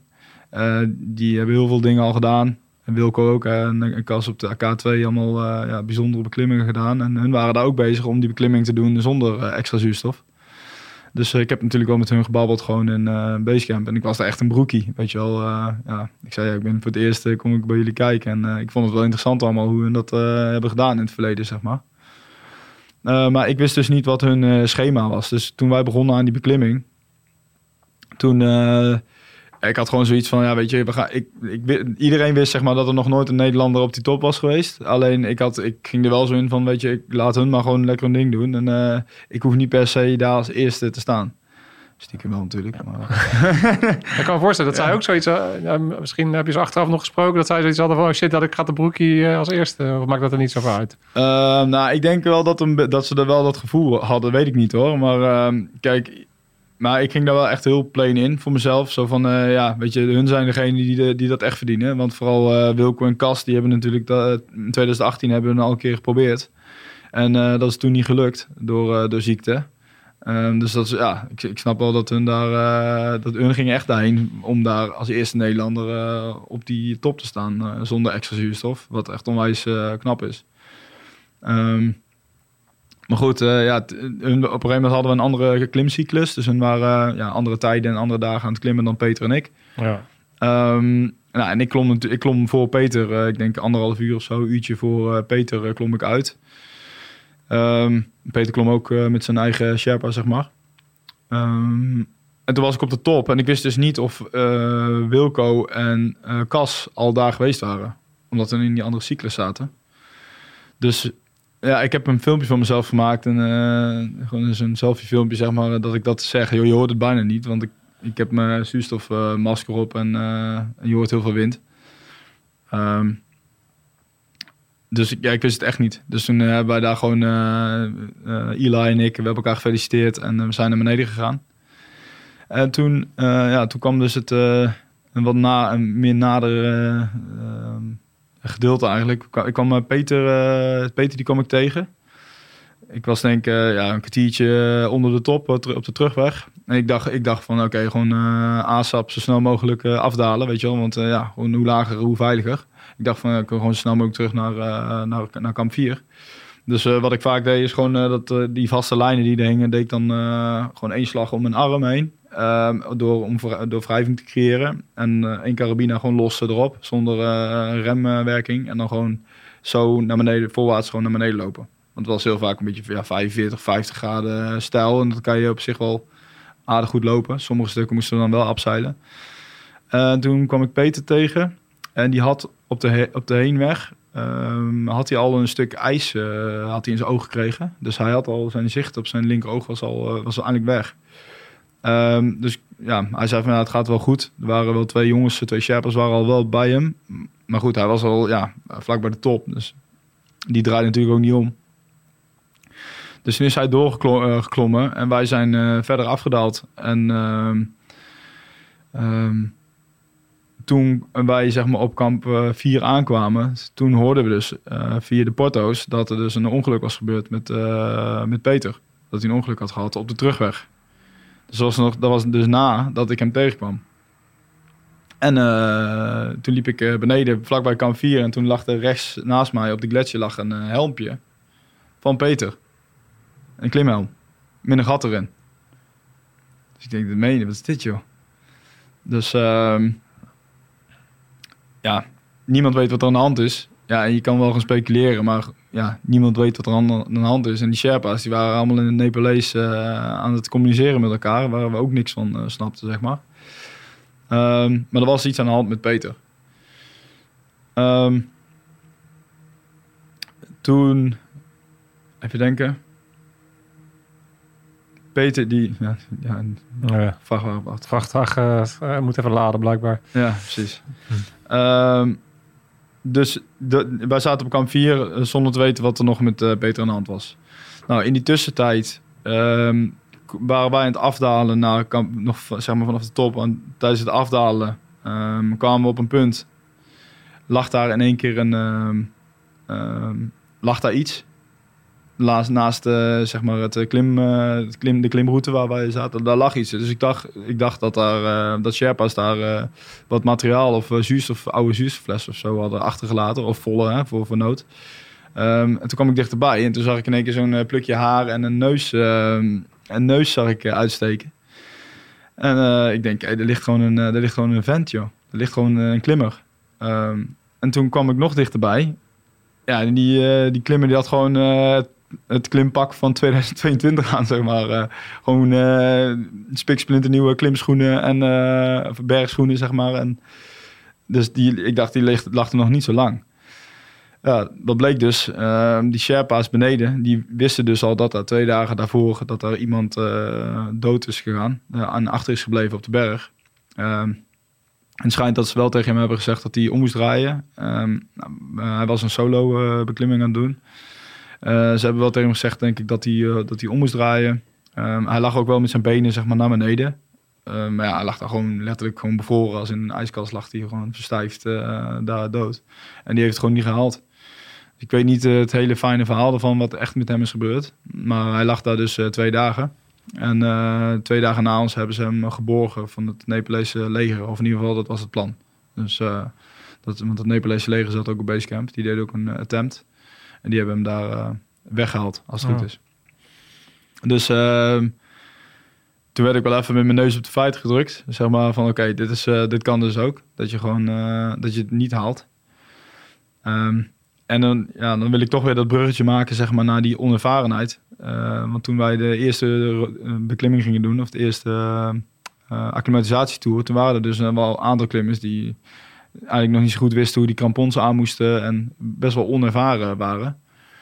En toen dacht ik echt bij mezelf, ja, weet je, als je onervaren bent, dan heb je hier gewoon echt niks te zoeken. Dat is echt gewoon, eh, dat is levensgevaarlijk. En niet alleen voor jezelf, en voor de, voor de klimmer die graag omhoog wilt, maar ook gewoon voor die Sherpa's die daar, eh, ja, die verdienen natuurlijk, hun verdienen wel daar hun geld mee. En ze kiezen daar ook zelf voor. Alleen, ehm we zetten ook wel hun leven op het spel om zeg maar dat geld te verdienen en eh, jou eh, te helpen die, die top te bereiken, weet je wel. En dan komen daar gewoon klimmers aan die gewoon geen idee hebben wat ze doen. Kijk, en, dat, dan, en dan heb je weer dat bruggetje naar wat Nims eh, heeft gedaan. Dat is super vet wat hij heeft gedaan. Alleen dan denkt iedereen in één keer dat hij dat ook maar zomaar kan. En dus je, dan zie je in één keer een hele boost van, van toerisme wat daarheen gaat om te klimmen. Maar dat kan niet. Weet je, dat is gewoon, dat is levensgevaarlijk. Nee. Dus, dus eh, mooi dat Nims het heeft gedaan. Maar de, ik weet niet of die manier waarop dat allemaal, eh, ehm, ja, hoe zeg je dat, eh, in de me- de media in is gegaan, of dat heel goed is. Ja. Ehm, maar goed, ik ben doorgegaan. Ja, ik heb er voor de rest, kijk, die man die lag daar en ik heb dat gewoon geaccepteerd. Ik ben er niet, eh, ja, ik ben er ook niet, dat heeft me niet heel veel gedaan ook, zeg maar. Ehm, nee, ja, dat, dat is ook weer zo'n zo'n acceptatie van, ja, dat gebeurt gewoon. Ja. Ehm, doorgegaan naar kamp 4. Ja, en toen kwam dat, dus dat hele uh, gezeur van Peter. Nou, inmiddels hadden we, waren dus een, er klommen ook een aantal Indiërs bij ons in het team. Die hadden ook hoogteziekte gekregen, maar die waren, mm, ik zeg ook hoogteziekte gekregen. Maar Peter had geen hoogteziekte, was iets anders mee. Maar die Indiërs die hadden dus hoogteziekte gekregen, dus die hebben de klim ook niet afgemaakt. Die zijn we tot uh, 8200 meter gegaan en die zijn omgedraaid. Maar die, die gasten die waren aan het eilen. Dus die waren gewoon de hele route vanaf, vanaf 8200 meter naar 6200 meter. Dus zeg maar uh, 1000 meter lager. Hebben die Sherpa's, hebben zeg maar die gasten naar beneden moeten, ja, mee moeten nemen. Die waren als kleine kinderen, als baby's, hingen ze daar aan die touwen. En heel langzaam afzeilen en allemaal heel traag. En omdat ze gewoon aan het ja, eilen waren. En aan het, ja, ze hadden gewoon geen idee wat ze doen waren, weet je. Omdat ze last hadden van die hoogte. Ja, wel gezellig. ja. nou wel gezellig inderdaad. Dus eh, nou, afgedaald met die Indiërs. Dus we waren uiteindelijk met z'n allen compleet in kamp 4. En toen was Peter dus nog, op, eh, nog steeds op, op, die, op die hoogte. Nou, wat, wat, wat, was er, eh, wat was er nou gebeurd? Hij had, ehm, op de terugweg moest je een stukje ehm abzeilen. Ehm, dus Peter die had die uh, had die gemaakt. Dit is hoe ik het verhaal van hem heb eh, gehoord. Hij had die abzeil gemaakt en nadat die abzeil eh, zeg maar klaar was, had die, was, was hij uitgebonden om weer naar een volgend stuk touw te gaan, zeg maar, om jezelf in te binden. En daar, was hij, daar is hij gaan rollen. Dus hij is eh, een stukje naar beneden gaan rollen. Niet, niet 90 graden, maar gewoon zeg maar 45 graden gerold. Tot stilstand gekomen. En toen, ik denk dat hij daar zijn helm eh, is verloren ergens. Ja. En wel heel apart dat, dat, dat die helm letterlijk zo van de top helemaal zo naar beneden. Op de gletsjer, naast kamp 4, eh, dat we die daar terugvinden. Die is Ja. helemaal naar beneden geleden. En toen kwam Peter, die kwam tot stilstand. En toen kreeg hij dus een steen, eh, die kwam achter hem aan. En die kreeg hij dus op zijn oogkas. Ehm, dus zijn, eh, ja, zijn wenkbrauw was gescheurd. En hij had allemaal steengruis. Alleen dat was ook nog eens een keer... ja, hij had natuurlijk ook dat ijs had hij in zijn oog gehad. Dus het was één groot drama. Dus ja, dat ene oog was natuurlijk vol met bloed. En ja, daar kon hij niks meer aan zien. Ehm, dus hij kon natuurlijk niet meer alleen afdalen. Ja, en dan, eh, dan, is, dan komt in één keer de vraag van... Ja, gaan we hem eh, naar beneden brengen? Weet je wel? Ehm, want toen wij later op basecamp waren... Toen, nou, toen zeiden ze dus van... Ja, dit zijn wel momenten dat je iemand achterlaat. Ja of nee? Want iemand redden vanaf eh 8400 meter... Ja, dat, in principe wordt dat niet gedaan, zeg maar. Dat wordt bijna nooit gedaan. Die meesten worden gewoon achtergelaten. Maar goed, Peter was dus nog wel zo eh, zodanig eh, in staat zelf zeg maar, te bewegen. Dus, want hij kon wel gewoon lopen. Alleen hij was gewoon een soort van blind. En had een steen op zijn kop gehad. Ehm, dus hij zeg maar letterlijk eh, aan de schouders van die Sherpa's... is hij naar beneden gelopen en afgedaald. En hebben ze hem afgelaten. Ze hebben hem nog een stuk laten glijden over zijn... gewoon als, op, over zijn donspak, zeg maar, laten glijden. Alles, als een, alles was ook gescheurd van zijn, van zijn pak. Ehm, maar goed, de basecamp was nog steeds van, eh, ja, hoe gaat hij dat overleven of zo, weet je wel? Dat was best wel een spannend eh, moment daar beneden. Ehm, die helikopter die kan maar vliegen tot kamp 2, tot eh, 2 6200 meter. Daarboven kan een heli eh, niet vliegen. Ja, dat kan wel, maar dan met een longline, zeg maar, tot eh, ja, max 6800 meter. Dan, want een heli kan zeg maar wel landen, maar die komt dan niet meer eh, omhoog. Ehm, dus ze hebben hem dus weten naar beneden te krijgen naar kamp 2. Eh, en hij is uiteindelijk vanaf kamp 2 is hij opgepikt met de heli. En is teruggevlogen naar Kathmandu. Dus hij behoorlijk eh, met hulp van die Sherpa's. Want eh, ja, met hulp van hun heeft hij, heeft hij dat wel gehaald, zeg maar, naar kamp 2. Ja. Wow. Als hij alleen was geweest, dan weet ik niet of, hij daar, of, of dat was gelukt, zeg maar. Ja, ja. Want dus die Indiër, ja, die had dan geen steen op zijn hoofd gehad. Maar die was dus wel solo.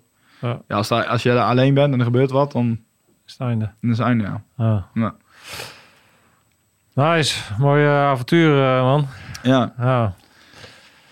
ja, nice. Ja, mooi, om, mooi om te horen. Wat ik ook mooi vind, eh, eigenlijk als je het een beetje vergelijkt met, je hoort, je hoort het al vaker in, in van die tegel, tegeltjeswijsheid. Hè? De, de tocht er naartoe is belangrijker dan op de top staan. Maar dat, Ja. dit, dit verhaal gaat, zie je natuurlijk ook weer van ja. Als je kijkt naar al die dingen die je hebt meegemaakt en alles wat je doet, uiteindelijk die, eh, dat staan op die top is natuurlijk even een mooi moment. Waarschijnlijk zijn er mooiere momenten geweest, zoals je toen je daar net onder en die zon doorkwam en wat je vertelde, weet je, dat je daar dan op dat besef hebt en om je heen kijkt en wat de fuck, eh, Ja. wat gebeurt hier allemaal? En ik denk dat dat Ja. in het leven eigenlijk ook zo is. Ja, je, bent, je zet een top neer, je wil naar die top klimmen. Maar geniet onderweg een beetje van het uitzicht en eh, van alle dingen die er gebeuren. En eh, ja, en hoop dat je allemaal veilig eh, thuis komt. En Ja. dat, dat is niet altijd zo dus. Is Peter oké? Ja, Peter is nu uh, hij is oké. Um, hij heeft nog wel uh, wat last van, uh, van zijn zicht, uh, wat wat minder is. Maar goed, het is een uh, oude rammer. Oude rammer, ja. het is echt een hele positieve man. Uh, ja, die laat zich niet zo snel gek maken. Oh.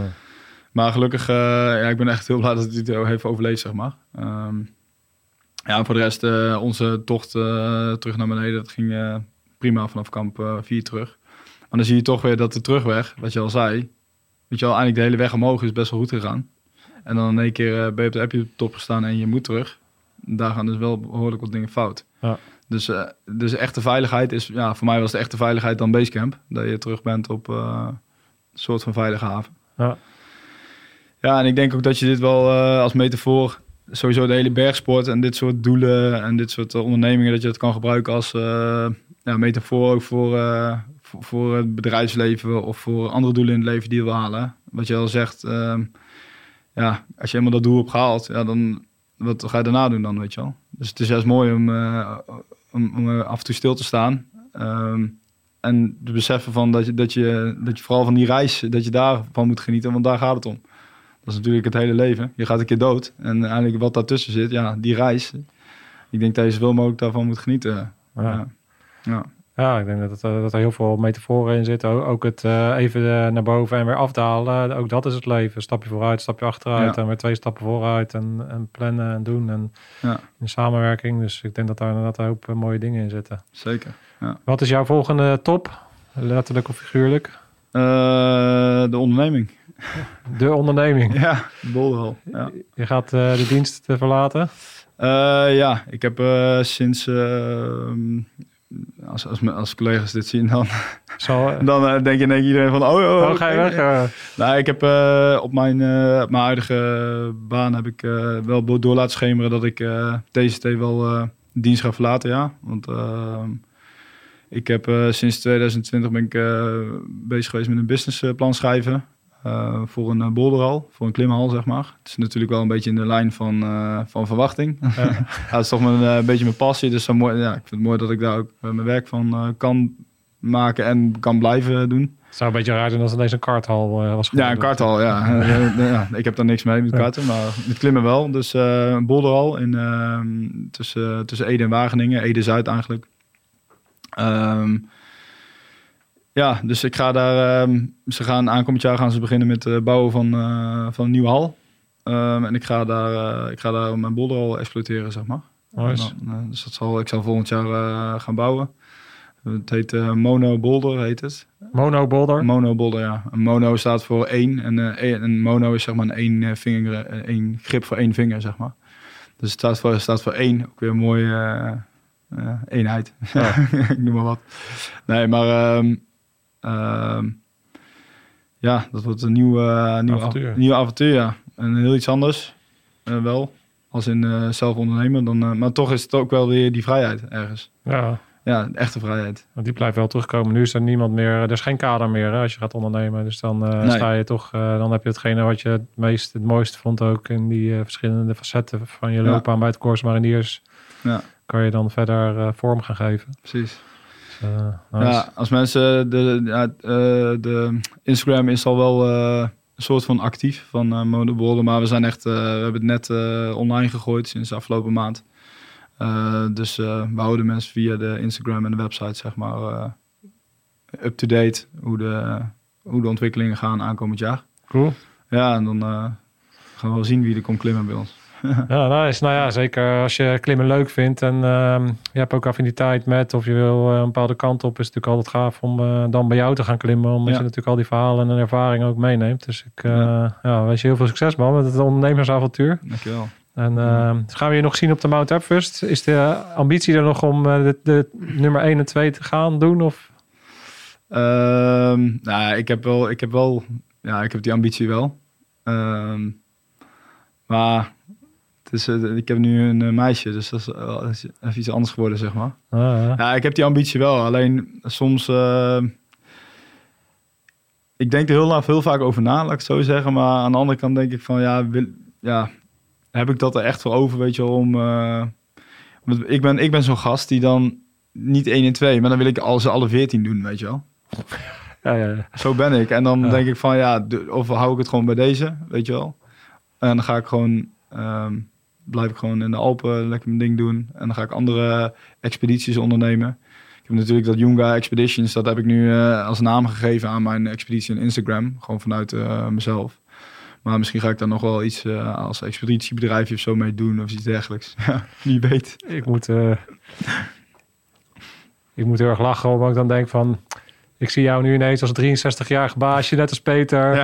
En eh, dan uiteindelijk toch die top, eh, ge- die Ja. andere top beklimmen. Dus Ja. ik, ik, eh, ik blijf je volgen en ik, eh, we zullen wel zien hoe het leven loopt. Ik begrijp dat er nu andere overwegingen zijn. En vooral eh, nu eh, je onderneming het belangrijkste is. Dus eh, Ja. Succes. Bedankt voor het delen van je verhaal, man. Ik heb eh Adam ook zitten luisteren. Ik vond het heel tof om eh, te zien. Met, volgens mij hebben we nog nooit zo'n lange podcast opgenomen. Dus je bent ook de Oh. eerste Nederlander die de twee uur van scherpschutters eh, gepasseerd heeft. Dus gefeliciteerd. Dankjewel. Dankjewel.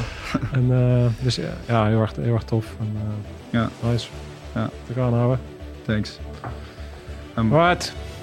Ehm, dat was hem. Bedankt voor het kijken en luisteren. En tot de volgende scherpschutters. Uit.